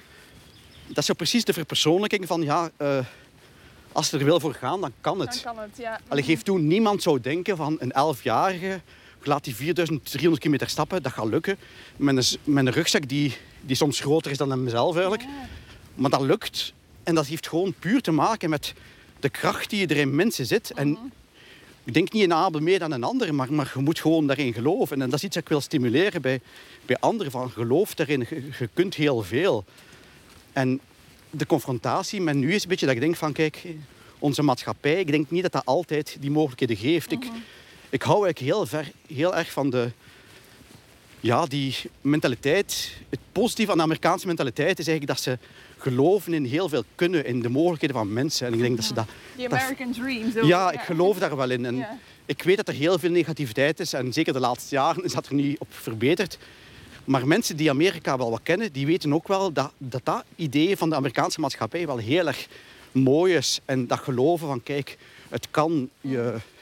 En ik denk dat we dat een beetje verloren zijn, soms in Europa. Ik denk dat... allee, en dat maakt het mij de laatste maanden niet altijd makkelijk eigenlijk. En is dat dan vooral het gevoel dat, je, dat het systeem ons een beetje klein houdt? Of om- heb je Ja. een voorbeeld waar dat je zegt van hier merk ik het bijvoorbeeld heel erg? Goh, dat, is, dat zijn soms kleine, denk ik. Denk ik. Eh, het feit van... Weet je, dat we heel lang getwijfeld hebben om daar ook over naar buiten te treden. Eh, er zijn wel wat interviews geweest met kranten. Maar daar de eerste maanden waren er soms vragen. Dat was ook van het VTM Nieuws in het begin.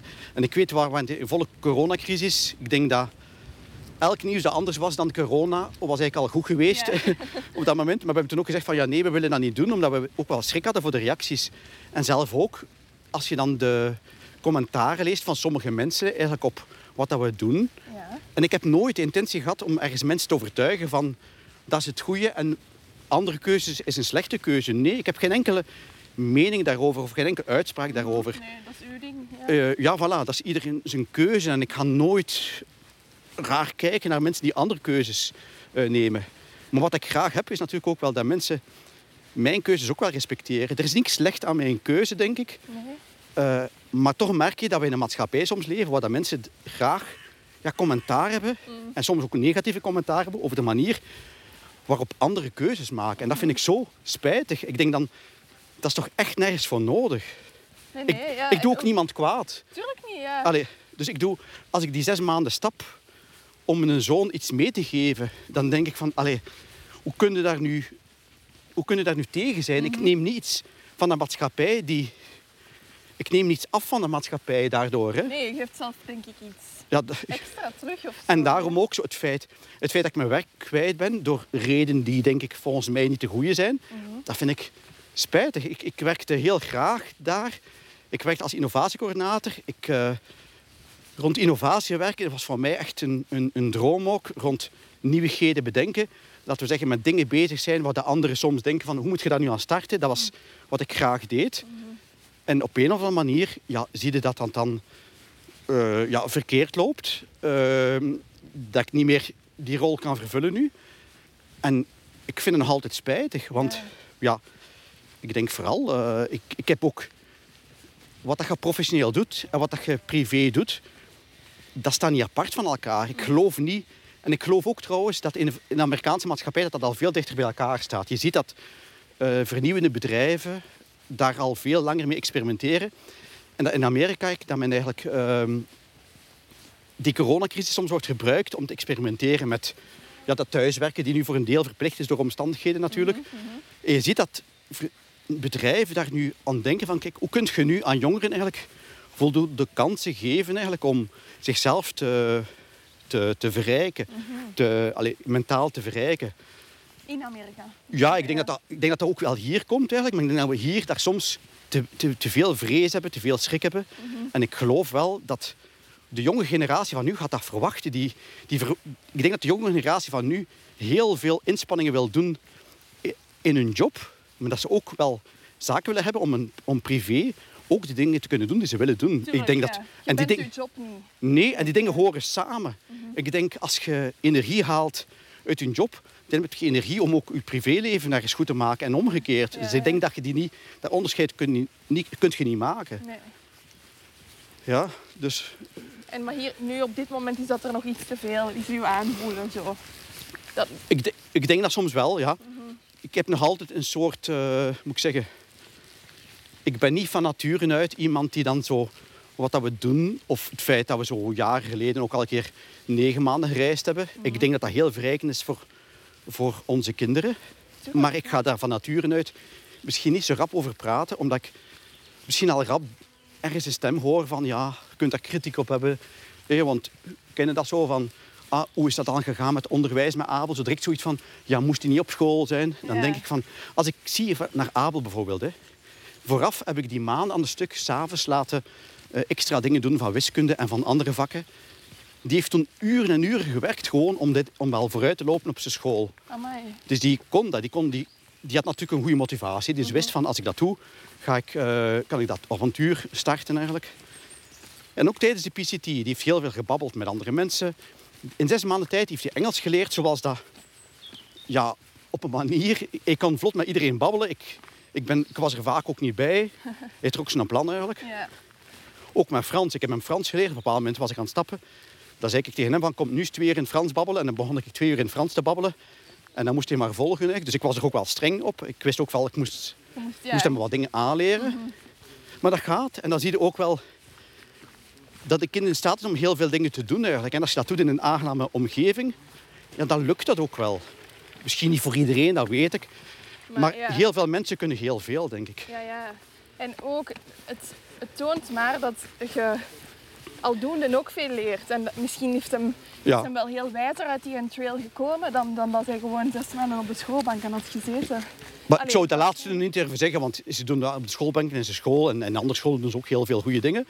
Maar inderdaad, die is wel heel wijs, die is heel matuur. In levenservaring. In levenservaring, inderdaad. En dat maakt het hem misschien soms niet makkelijk nu. Hè? Als wij zo'n eh, jaren geleden negen maanden hebben rondgetrokken met het gezin, of als we nu die zes maanden in de Verenigde Staten, ja, die heeft zoveel ervaringen meegemaakt die hij misschien niet zo makkelijk kan delen met leeftijdsgenoten. Als, wij, als hij toen zei van ja, goh, ik ben in El Salvador geweest, ik heb daar in San Salvador ben ik geweest bij het graf van Romero bijvoorbeeld. Ja, dat kun je niet verwachten dat een elf jaar of een tien jaar op dat moment daar iets Ja. kan over zeggen natuurlijk. Ehm, als hij nu zegt van kijk, goh, ik heb... Het was heel intens om te merken eigenlijk, dat ik echt geschaakt heb met iemand die een week, een week nadien van de rots gevallen is in de sneeuw en gestorven is daar. Dat is heel intens en ik zat daar mee in eigenlijk. Je kunt dat heel moeilijk overbrengen als elf jaar naar, naar leeftijdsgenoten. Dat is, dat is inderdaad heel moeilijk tastbaar. Hè? Dus dat maakt hem ook wel een beetje verschillend van, ja, van soms leeftijdsgenoten. Maar het toont ook wel inderdaad de kracht van een kind. En dan een kind Dat geloof ik wel. Ja. Een kind... Allee, want wij Nee. labelen vaak, hè. Een kind Ik, dat, is daar ik, niet over nadenken. of dat is iets wat ik niet doe. Dat is Ja. iets wat ik nu ook zelf zeg als ik lesgeef. Ik doe dat niet graag. Mhm. Ik beschouw kinderen ook wel vaak als dat ze heel veel potentieel hebben. Ze, kunnen, ze moeten die ze, bij ons thuis krijgen ze veel verantwoordelijkheden. Ze mogen die vrijheid daarmee doen. Ze, maar ze moeten wel weten dat ook wel verantwoordelijkheden... Dat ze ook wel plichten hebben natuurlijk. Hè. Mhm, Want die kunnen dat. Zeg, wat zijn zo wat de negatieve reacties dat je dan krijgt? Of Goh ja. Wat moet ik zeggen? Eh, goh, dat is moeilijk. Het gevoel misschien dat je Ja, krijgt, ja. Ja, ik vind dat moeilijk. Allee, ik zeg het, rond heel die werksituatie, dat ligt nog altijd moeilijk. Ehm, reacties die er komen, zo. God, dat is wat moeilijk eigenlijk om daar... Ja. Maar waarschijnlijk is het vooral op de reactie die je krijgt van de mensen, is het misschien wel uit jaloezie of zo. Of uit, Ja, daar hebben we al ja, uren en dagen over gediscussieerd. Waarom doen mensen dat? ja, Ja, voor een deel moet ik zeggen. Ik denk dat wij soms ook, misschien door de dingen te doen, dat wij een keuze maken. We doen die voor onszelf, we doen die niet voor anderen. We doen dat zeker niet om het idee te scheppen naar anderen toe van dat is nu de juiste keuze. ja. Maar misschien dat andere mensen dat dan zo aanvoelen, ik weet het niet goed. Dat is niet, maar goh, ik zou iedereen aanraden om te zeggen van als jij eens iets wil doen, ga daarvoor. En dat mag gelijk was zijn. Hè? ja. Het is niet dat dat moet altijd iets extreem zijn of zo. Als iemand, eh, ja, elke hobby is goed genoeg als je er maar voor gaat en als je er maar voor wil gaan. Ja, de negativiteit. En zeker op Facebook, daar mocht je dan niet naar kijken. Nee, nee, je kunt daar best niet naar kijken. Nee. En vooral ook omdat je hebt ook veel mensen, de mensen die het misschien goed vinden of die dat een inspirerend verhaal vinden, ja, die, die schreeuwen niet zo luid meestal. Ah, voilà. Je Dus- hebt altijd een heel Ja. grote zwijgende meerderheid Ja. die Ja. wel in favor is of wat je doet. Maar Ja. die, die zwijgen inderdaad gewoon wijselijk. Ja, En ja. daar moet je aan optrekken. Kunnen zwijgen is misschien een eigenschap van, eh, van vooral wijze mensen. Ja, Dus, ja. Zwijgen is goud, zeggen ze toch? Ja. En zeker dan om zo terug te komen in volle coronacrisis, dat zal ook wel... eh, ja. ah, je- ineens, je, je, hebt, je bent zelf als mens veranderd, maar je komt ook in een andere thuis. Thuis. Ja, ja, ja. En natuurlijk ook de... Misschien was er een beetje de schrik ook zo, of de schrik niet, maar de, de aanpassing weer van in een gezin te functioneren. Ik was dan ja, zes maanden weg geweest van mijn partner ook. Dat is ook weer een aanpassing natuurlijk. Hè. Dus je, je moet elkaar weer... Ja, je, houdt rekening met veel meer mensen op dat moment weer. Ja, ja. De andere kinderen, ik verschoot ervan hoe, hoeveel dat die... Die waren wel veel veranderd eigenlijk. Ook zo, ja, het feit dat je zo... Een van de jongste, de, onze jongste Ishtar, die heeft leren fietsen. Ik heb dat, dat nog niet, echt niet meegemaakt. Dat was heel vreemd om het te zien. Hè. Dus dat, dat, alles gaat Ja, verder. Hè, ja. Ja. Maar ja, kom. Eh, onze oudste ook, die zit nu ook sinds de puberteit. Dus die, die verandert elke maand ongeveer. Hè. ja. Dat is geen kind niet meer. Dat is, die wordt... Ja, je ziet die zijn eh, schouders breder worden met een dag bij manier van spreken. ja. Dus, Zeg, en zou je het snel opnieuw doen? goh, ja, eigenlijk... eh, ik denk wel dat dat iets is die... Ja, die heel erg verslavend is eigenlijk. Ja? Ik denk het wel eigenlijk. En, maar- dat hoor je van de meeste wel. De meeste true hikers. Ja, je weet ook, je hebt dus drie grote true hikes in de States. Dat is de Pacific Crest Trail, dus aan de westkant. En dan heb je de oudste, denk ik. Aan de oostkant is de Appalachian Trail. En dan heb je centraal nu de Continental Divide Trail. En dus je hebt ook wel hikers die ze alle drie doen. En dan heb je de Triple Crown. Dus dan verdien je eigenlijk een soort, ja, voor jezelf natuurlijk. Hè, maar heb je de Triple Crown gedaan, dan ben je ook wel wat mensen tegengekomen die, die direct al denken aan het volgende. Hè. Ja. En ik heb met mijn Abel ook al heel veel gesprekken gehad van, ja, als je nu één zou kiezen, welke zou je kiezen? En dan denken we soms van, de, ja, de AT, de Appalachian Trail, gewoon nee, daar regent te veel. Ik zou niet kunnen tegen, al, tegen zo'n week in de regen stappen, dat zou ik niet tegen kunnen. Dat zal heel deprimerend zijn. Ja, voilà. En in, al, dat is heel vaak in het bos ook, dus daar zou ik misschien denken eerder van niet. Maar die PCT denken we soms van, ja, zullen we dat opnieuw doen? Natuurlijk, als je dat opnieuw doet, dan weet je alle lastige punten. Hè. Dan weet je zo wanneer dat... Ja, je weet, je, ja, je weet de lastige iets- momenten. Ja. Ja. Ja, dus misschien is het zelf niet aangeraden om het echt op, om het zelf dan opnieuw te doen of zo. Maar anderzijds, het heeft ons zoveel gegeven. Mhm.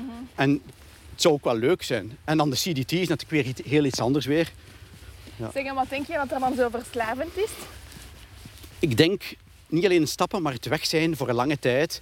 Het, ja, het ontheemd zijn, zo. Het, die, ja, het weg zijn van het gewone doen, dat geeft kracht, denk ik, aan mensen.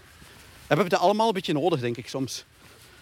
Ik denk dat iedereen die graag stapt in de natuur is... Ik vermoed dat er veel zijn die dat ook een beetje wensen. Door even weg zijn uit het dagdagelijkse en die kunnen herbronnen soms. Ja, dat is toch de reden waarom ik wandel alleszins? Dat is, je kunt daar niet altijd de vinger op leggen, denk ik. Ja. Maar, en dat is voor iedereen een andere invulling. Maar dat geeft wel... Ja, ik denk dat we in zo'n hectische tijd leven en zo'n hectisch leven hebben. Dat is inderdaad, want ik vroeg het gisteren ook eh, aan de mensen van ja, maar wat is voor jullie het verschil tussen binnen en buiten zijn? Hè? En de, de reactie Mhm. kwam vaak van inderdaad, buiten heb je die vrijheid, eh, binnen zet je zo omringd met alles in het zicht van wat dat je nog moet doen. Ja, En, en, ja. en buiten is dat er niet. Buiten heb je gewoon Ja, de natuur en er is geen to-do-lijstje bij of zo. nee, nee. En vooral ook, ja, als je aan het stappen bent, wat dat wij deden. Het is gewoon, je hebt dat pad, je hebt geen enkele keuzemogelijkheid. Het is naar hier naar voor, vooruit gaan en dat pad volgen gewoon. En wat is je doel? Vanavond je, je potje nee te bereiken en je tent kunnen zetten. En dat zit. En dat is Ja. zo eenvoudig. En op een of andere manier zie je dat, dat mensen die eenvoud ook wel soms nodig hebben, denk ik. En ik heb dat proberen ook du- duidelijk te maken. En ik denk dat mijn vrouw dat ook weet. En ja, dat ze ook wist van, kijk, die heeft het echt nodig. Ik wil iets vragen, maar ik weet niet of, of dat je het erover wilt hebben op de, op de podcast zelf. Maar bent je zelf ook in een depressie beland?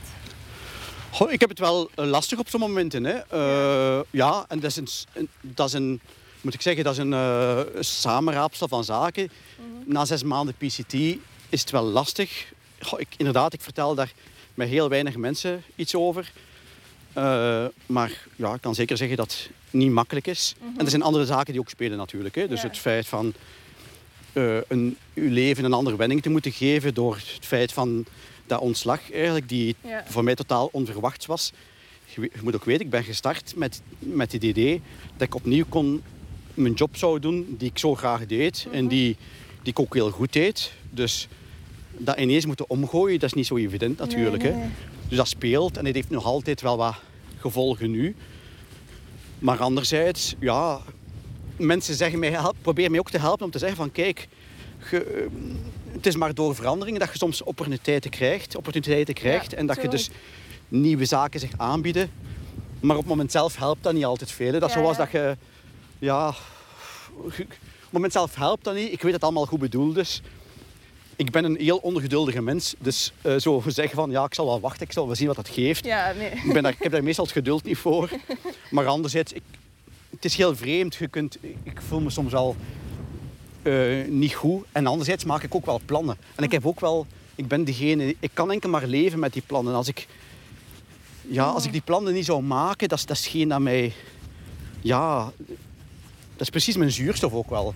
Die plannen maken. Dus ik heb nu ook al plannen om met, met Joswin Abel eh, deze zomer in Zwitserland eh, van, van het oosten naar het westen helemaal te stappen, overpassen. Een paar weken. Dus je ziet, ja, dat leeft en ik heb dat ook nodig. Ja, Dat is mijn manier van overleven, denk ik. ja. En ik ga dat denk ik als mens ook altijd wel een deel hebben eigenlijk. Ik moet zo die, eh, die doelen kunnen stellen, die uitdagingen hebben. Goh, en ik denk dat mensen die in mijn omgeving zijn, die, die moeten weten van dat dat mijn enige manier is om te overleven eigenlijk. En daar zeg ik ook volgens mij, ja, dat is hetgeen dat me soms lastig maakt. Daar is niks mis mee, denk ik. Maar dat is toch al, het maakt het wel soms lastiger, omdat je weet dat... Ja, ik kies misschien niet altijd voor de meest courante dingen. En er zijn toch wel wat mensen die, dat, die, dat goed, die daar moeilijk mee hebben, denk ik. Ja. Mensen hebben liever dat je voor courante dingen kiest. Hè? Ja, maar ik herken mij heel erg in uw verhaal wat je zegt van... Hè, ehm, de, de, je, dankzij die reizen of dankzij het weg kunnen zijn, dat maakt dat je overleeft. Hè. Maar dan, Ja. de periodes daartussen, ja, dat is dan eigenlijk... Eigenlijk heb je... De, je bent aan het reizen, op dat moment is je batterij vol. En dan loopt die weer helemaal leeg, totdat je terug gaat reizen. En dan is hij weer even vol.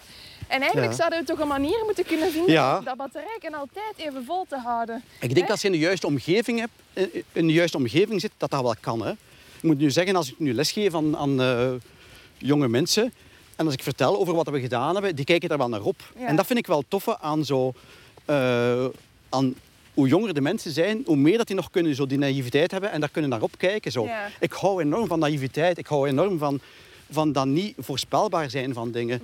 ik, ik vind het voor mezelf heel erg dat ik zo... Allee, het feit dat ik niet meer kan geloven in Sinterklaas vind ik erg. Vind ik gewoon spijtig. Omdat je... Allee, hoe zalig is het niet om daarin te kunnen geloven? Ja. En ik vind dat we, als we een beetje terug zouden kunnen komen naar gewoon geloven in dingen en dromen hebben. En je moet niet altijd afvragen, zijn die dromen, hoe realistisch zijn die? Misschien moet je gewoon denken van, het is een droom en ik, ma ik, ik maak zo waar. Ik, het, het zal niet vanzelf komen. En je zult er offers voor moeten doen, dat zeker. Maar wat dan nog? Allee. Ja, en het dromen is belangrijk. Hè. Het Ja. is misschien wel wat u doet blijven gaan, inderdaad, hè, die dromen. Ja. En dat is helemaal niet... Ik denk dat sommige mensen het lastig hebben omdat ze denken dat dat ook een oordeel inhoudt. En dat is niet. Als iemand mij zegt van ik hou ervan om elk jaar eh, in juli, de twee laatste weken, hetzelfde huisje te huren met een zwembadje, Ja. dan is dat ook mooi. Ik vind er niks... Ik zou het misschien zelf niet doen. Nee. Maar dat is even mooi, dat kan even nuttig zijn. Dus, of even, eh, evenveel voldoening geven. Dus Dus, ik heb ja. daar geen oordeel over. Laat staan een negatief oordeel. Ja, het is, dat is voor wat, wat voor hen het beste werkt, uiteraard. Tuurlijk, En- en- tuurlijk. Ja. Ja. ja, nee, maar ik herken me heel erg in dat. Want je hebt dan ook mensen hè, die zo er echt voor kiezen voor dat nomadisch bestaan eigenlijk. Hè, en die Ja. dan zo met een busje eh, weg zijn voor de helft van het jaar. En dan komen die terug om even te werken, zijn ze weer weg. En je voelt inderdaad die negativiteit eh, dat daar rondhangt. Maar ik weet niet of dat, dat echt persoonsgebonden is. Maar ik denk dat dat vooral gaat over... ehm, inderdaad opkijken naar iemand dat het durft, die zich effectief durft Ja. loskoppelen van Ja. die maatschappij Ja. met die normen en die waarden. En We hebben daar soms al over nagedacht natuurlijk. Hè. Allee, ik bedoel, ik moet daar, als je hoort dat we al zoveel gereisd hebben. We hebben al negen maanden met de kinderen is weggegaan. De jaar al een jaar gereisd, nu dit. Ja, het is evident dat we daar al over gepraat hebben. Van, wat zou dat zijn? Hoe zou het leven eruit zien als je echt wel loskoppelt? ja, En ik zeg, ik denk dat ik voor mezelf dat ik wel zou kunnen. Natuurlijk heb je de kinderen. Je hebt ook een verantwoordelijkheid aan de kinderen toe. Dus je wil de kinderen niet in een situatie brengen waarbij dat ze eigenlijk die keuze niet zelf kunnen maken. Dus je wil eigenlijk niet hen volledig afzonderen van de, de rest van de wereld. Omdat het is niet als ouder om die beslis- beslissing voor hen te nemen. Ja, ja, dus dat is misschien Mhm. dat is delicater natuurlijk. Hè. Als dat voor, voor mezelf zou zijn, goh, ja, ik zou... eh, ik heb, de natuur geeft mij zoveel. Ik denk dat ik de rest wel kan, eh, kan laten eigenlijk. Ik heb, die, ik heb luxe niet nodig. Ik heb geen... Allee, eh, die natuur geeft me genoeg. ja. Maar natu- naar de kinderen toe kun je dat niet maken, denk ik.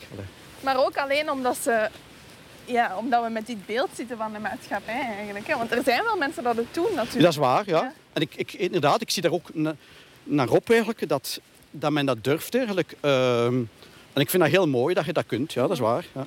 Want hoe zou, wat, hoe zou je ideale leven er dan uitzien? Als je, dat, als je mocht dromen, hè? wat zou je dan, hoe zou het er dan uitzien? Ik ben even aan het denken aan de film. Hè. Goh, eh, ik, ben niet, ik kan nu even niet op de naam komen. Ehm, wacht, ik eens... Is nu... Hallo. Ah ja, nu, nu kom ik er weer. op. Ja. De, de film Captain Fantastic, kent je die? Nee, nee. Die moet je zeker eens zien. Captain Fantastic gaat over een, een, eh, een papa die met zijn kinderen, ik denk dat er een stuk of vier, vijf zijn, leeft ergens in de States ook wel ergens, of ergens eh, ver weg in een bos. Die heeft daar een, een bus gekocht, eh, helemaal omgebouwd. Dat is de enige manier hoe dat hij om de paar weken naar de bewoonde wereld gaat om wat dingen te kopen. En die leeft daar eigenlijk gewoon met zijn, in de natuur en in, ja, in volledige harmonie met de natuur. Hij leert zijn kinderen heel veel skills om te overleven in de natuur. Maar hij leert hen ook heel veel te doen met hun, met hun capaciteiten. Hij leert ze eh, ja, allemaal boeken lezen, Schopenhauer. Dus ik bedoel, heel intellectuele boeken eigenlijk. Ja. Om, om echt ook een kritische kijk te hebben op, eh, op het leven. Ja. Ehm, maar dan zie je ook wel in die film verder... ehm, ja, ik moet de rest van de film niet vertellen, maar het gaat er eigenlijk over dat hij ook wel op die grenzen botst van dat die kinderen eigenlijk ook wel misschien wel andere dingen willen. Dus, en je ziet eigenlijk ook hoe dat hij dan mee worstelt met van kijk, ik heb het beste voor met de kinderen en ik denk dat dat voor mij het ideale leven is. Maar anderzijds, ja, kinderen willen ook wel eens eh, iets doen dat, dat niet hoort of dat niet ideaal is. Ze willen ook wel zelf die ervaring hebben van eens Ja. dingen te kunnen doen die, die buiten hun eigen fouten te maken. En dat kun je niet afnemen van een kind natuurlijk. Zoals dat je... Ja, ieder ouder zal denken van ik wil niet dat, dat kinderen dat die ooit eens eh, dronken thuiskomen. Maar anderzijds, ja, dat is een deel van het opgroeien. Hè. Dat, is, dat is ons allemaal... eh, dat gebeurt iedereen. Dus in die zin Ja. mogen kinderen ook wel... En is het ook wel gezond dat kinderen ook wel een keer eh, dingen experimenteren en ergens fouten maken. En ze moeten dat, die vrijheid wel hebben natuurlijk. Het is eigenlijk die balans tussen samenleving en ontkoppeling. Zo'n Ja, beetje. ja, ik denk ja.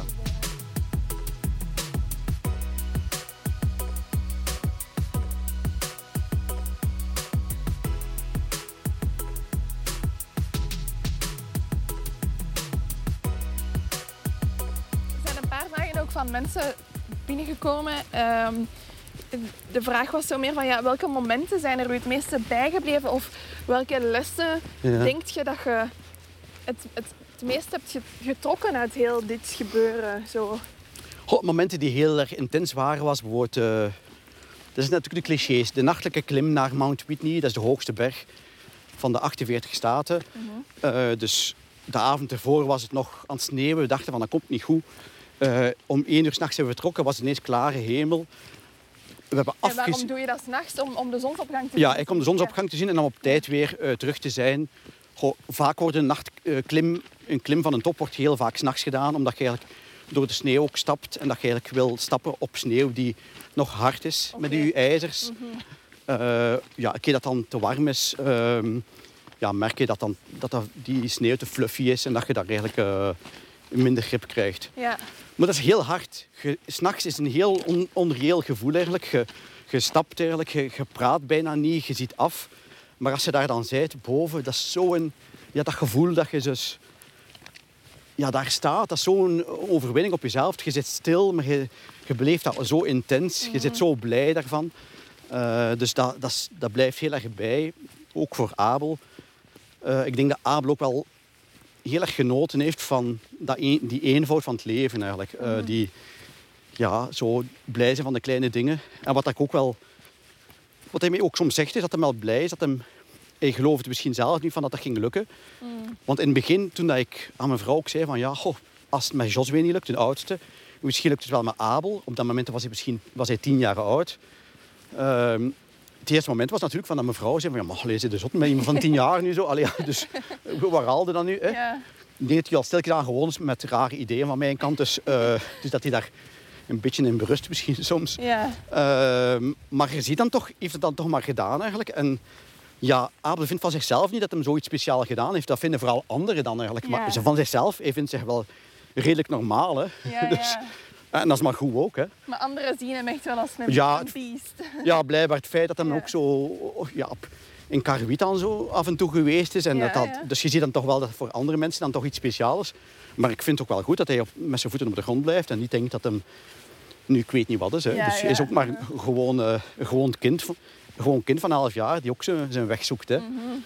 Dus, eh, wat was in de lessen? Goh, mm, ik weet het niet goed. Eh, Veel waarschijnlijk. hè. Ik kan er mij iets bij inbeelden. ja, ik denk dat het idee dat je zelf heel veel kunt realiseren. Ik had dat vroeger al en dat is, dat is enkel maar versterkt, dat idee. Ik denk dat. Ik zeg, die sportarts die gaf Abel weinig kansen. Die zei van ja, maar zo jong en dan met je Achillespees en zo, dat zal misschien niet lukken. Ik heb op een bepaald moment ook twee weken aan een stuk moeten pijnstillers slikken, omdat ik ergens in het begin een ontsteking had. Ja. Maar uiteindelijk gaat het dan verder. En het kan natuurlijk mislukken door een kwetsuur, Ja. maar je gaat verder. Je denkt heel veel momenten niet na, omdat je gewoon best niet nadenkt, omdat het zo extreem is. Ja. En je doet verder. En dan ineens na zes maanden staat je daar, op de grens met Canada. Je weent van blijdschap omdat je er bent. Ja. Er is niet veel, er staat gewoon een paaltje. Je weet dat je aan de grens zit. En je hebt dan andere hikers die bij je zijn. En, die, ja, en je vindt... Dat is gewoon het, een uniek moment dat je Ja. weet van je zit er, je zit er geraakt. En, en meer moet dat niet zijn. En ook een soort relativering of zo. Ja. misschien wel. Ja, dat, dat je dus... goh, eh, ja, die kracht van de natuur moet ik zeggen. Ik moet de, ja, de laatste jaren, ik heb al zoveel gereisd. En de laatste jaren het, het in de natuur zijn trekt me meer en meer aan. Ik ben al vaak gereisd om, om cultuur van overal eh, te zien. Mhm. Maar de laatste jaren, moet ik zeggen, word ik meer en meer aangetrokken ook door- door de natuur eigenlijk. En door de, ja, die, als ik zeg, de, de als een compagnon voelen die onverbiddelijk is. De natuur die heeft ons... We hebben soms door sneeuw moeten stappen, door kou, afgezien van de natuur, afgezien van de hitte. Moeten klimmen in situaties van, van meer dan 30 graden. Uren aan een stuk met een zware rugzak. Maar anderzijds, de mooiheid die we kunnen zien hebben, dat krijgen we wel terug. En dat is de dingen die we gezien hebben, het feit van in een vallei of in een, op een bergtop te staan, waar dat je enkel maar komt na vier, vijf dagen stappen, dat kun je niet... Dat is, dat is moeilijk te vatten. Hè? Dat je weet dat, dat zo weinig mensen daar komen eigenlijk, dat, dat, ja, dat je dat gegund bent om dat eh, te, te mogen zien eigenlijk. Ja, dan voelde de natuur dat die, die iets teruggeeft precies. Hè? Ja. En dat is heel fijn, gewoon om, om dat te, te ervaren eigenlijk. Dus je hebt de citytrip snel omgeruild voor de, voor de berg. Ja, dat gebeurt, ja, dat gebeurt nog, dat soort dingen. Maar ik moet zeggen, de laatste jaren eigenlijk is het wel zo dat ik eh, ja, ook heel graag geniet van...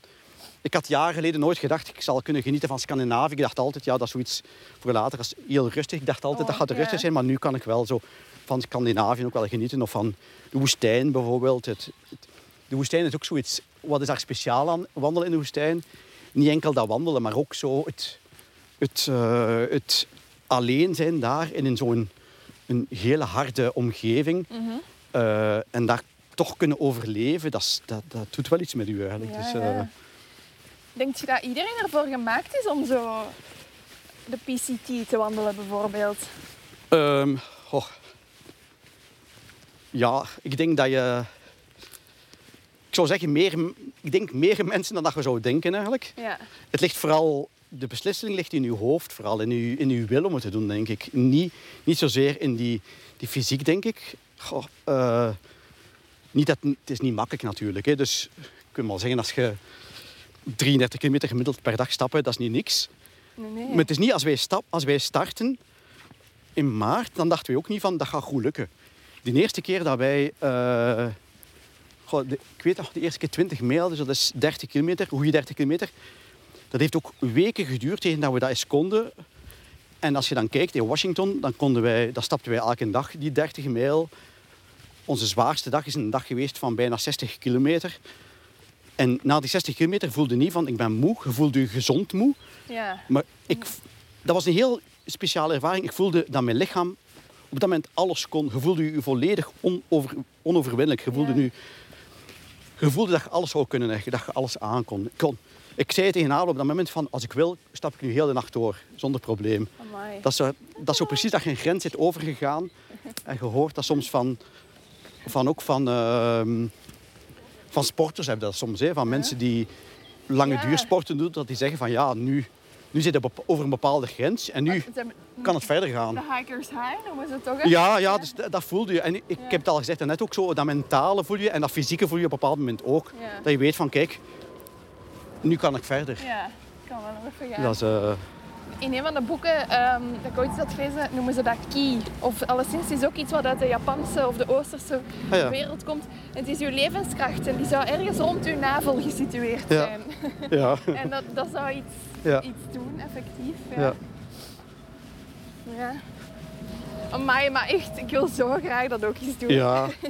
Het is niet moeilijk, je moet gewoon beslissen. Ja, gewoon. Allee, je zit, tenslotte, je zit ook gewoon van... Allee, je hebt ook je weg gevonden eigenlijk gewoon nu wat je nu doet ook. Je hebt ook maar je weg gevonden door toevalligheden. En het leven is toch maar een opeenvolging van toevalligheden. Ja. Heel vaak. En ga de dingen daarvoor inboeten? Misschien wel. Maar ga je, ga je veel meer terugkrijgen? 100% zeker. Daar ben ik 100% zeker van. Ik heb, ik heb nooit een verhaal gehoord van mensen die zeggen van... Oh, ik heb het liever niet gedaan. Zijn er offers te leveren? Ja. Kun je voorbereiden op die offers? Ja, wellicht niet helemaal, want je weet niet wat er komt. Maar is het enkel maar een goede afloop? Eigenlijk wel. Ja. Ik ga het doen, Johan. Ik ga het Ja, doen. ik zou het. Wanneer weet ik nog niet, maar ik ga het doen. Kunnen de mensen jou vinden? Want ik, heb, ik kreeg ook al berichtjes van mensen die zeiden van... Oh, Ja. Heeft hij tips of zo?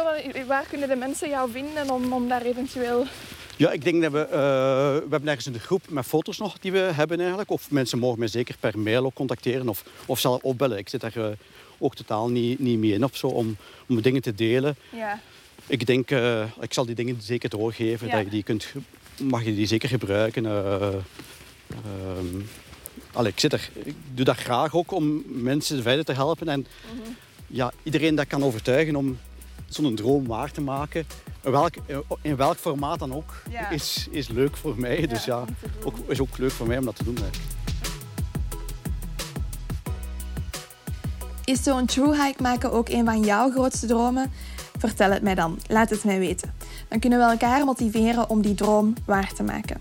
En Johan die helpt ook graag. In de show notes van de aflevering op opwandel.be vind je terug hoe je hem kan bereiken en waar je verder kan lezen over zijn avonturen.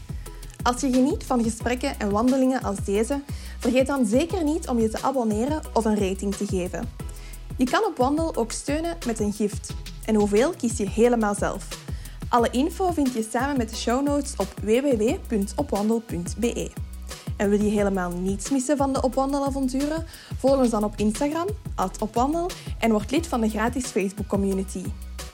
Tot de volgende Opwandel dus. Maar wacht vooral niet tot dan om zelf al in je wandelschoenen te springen.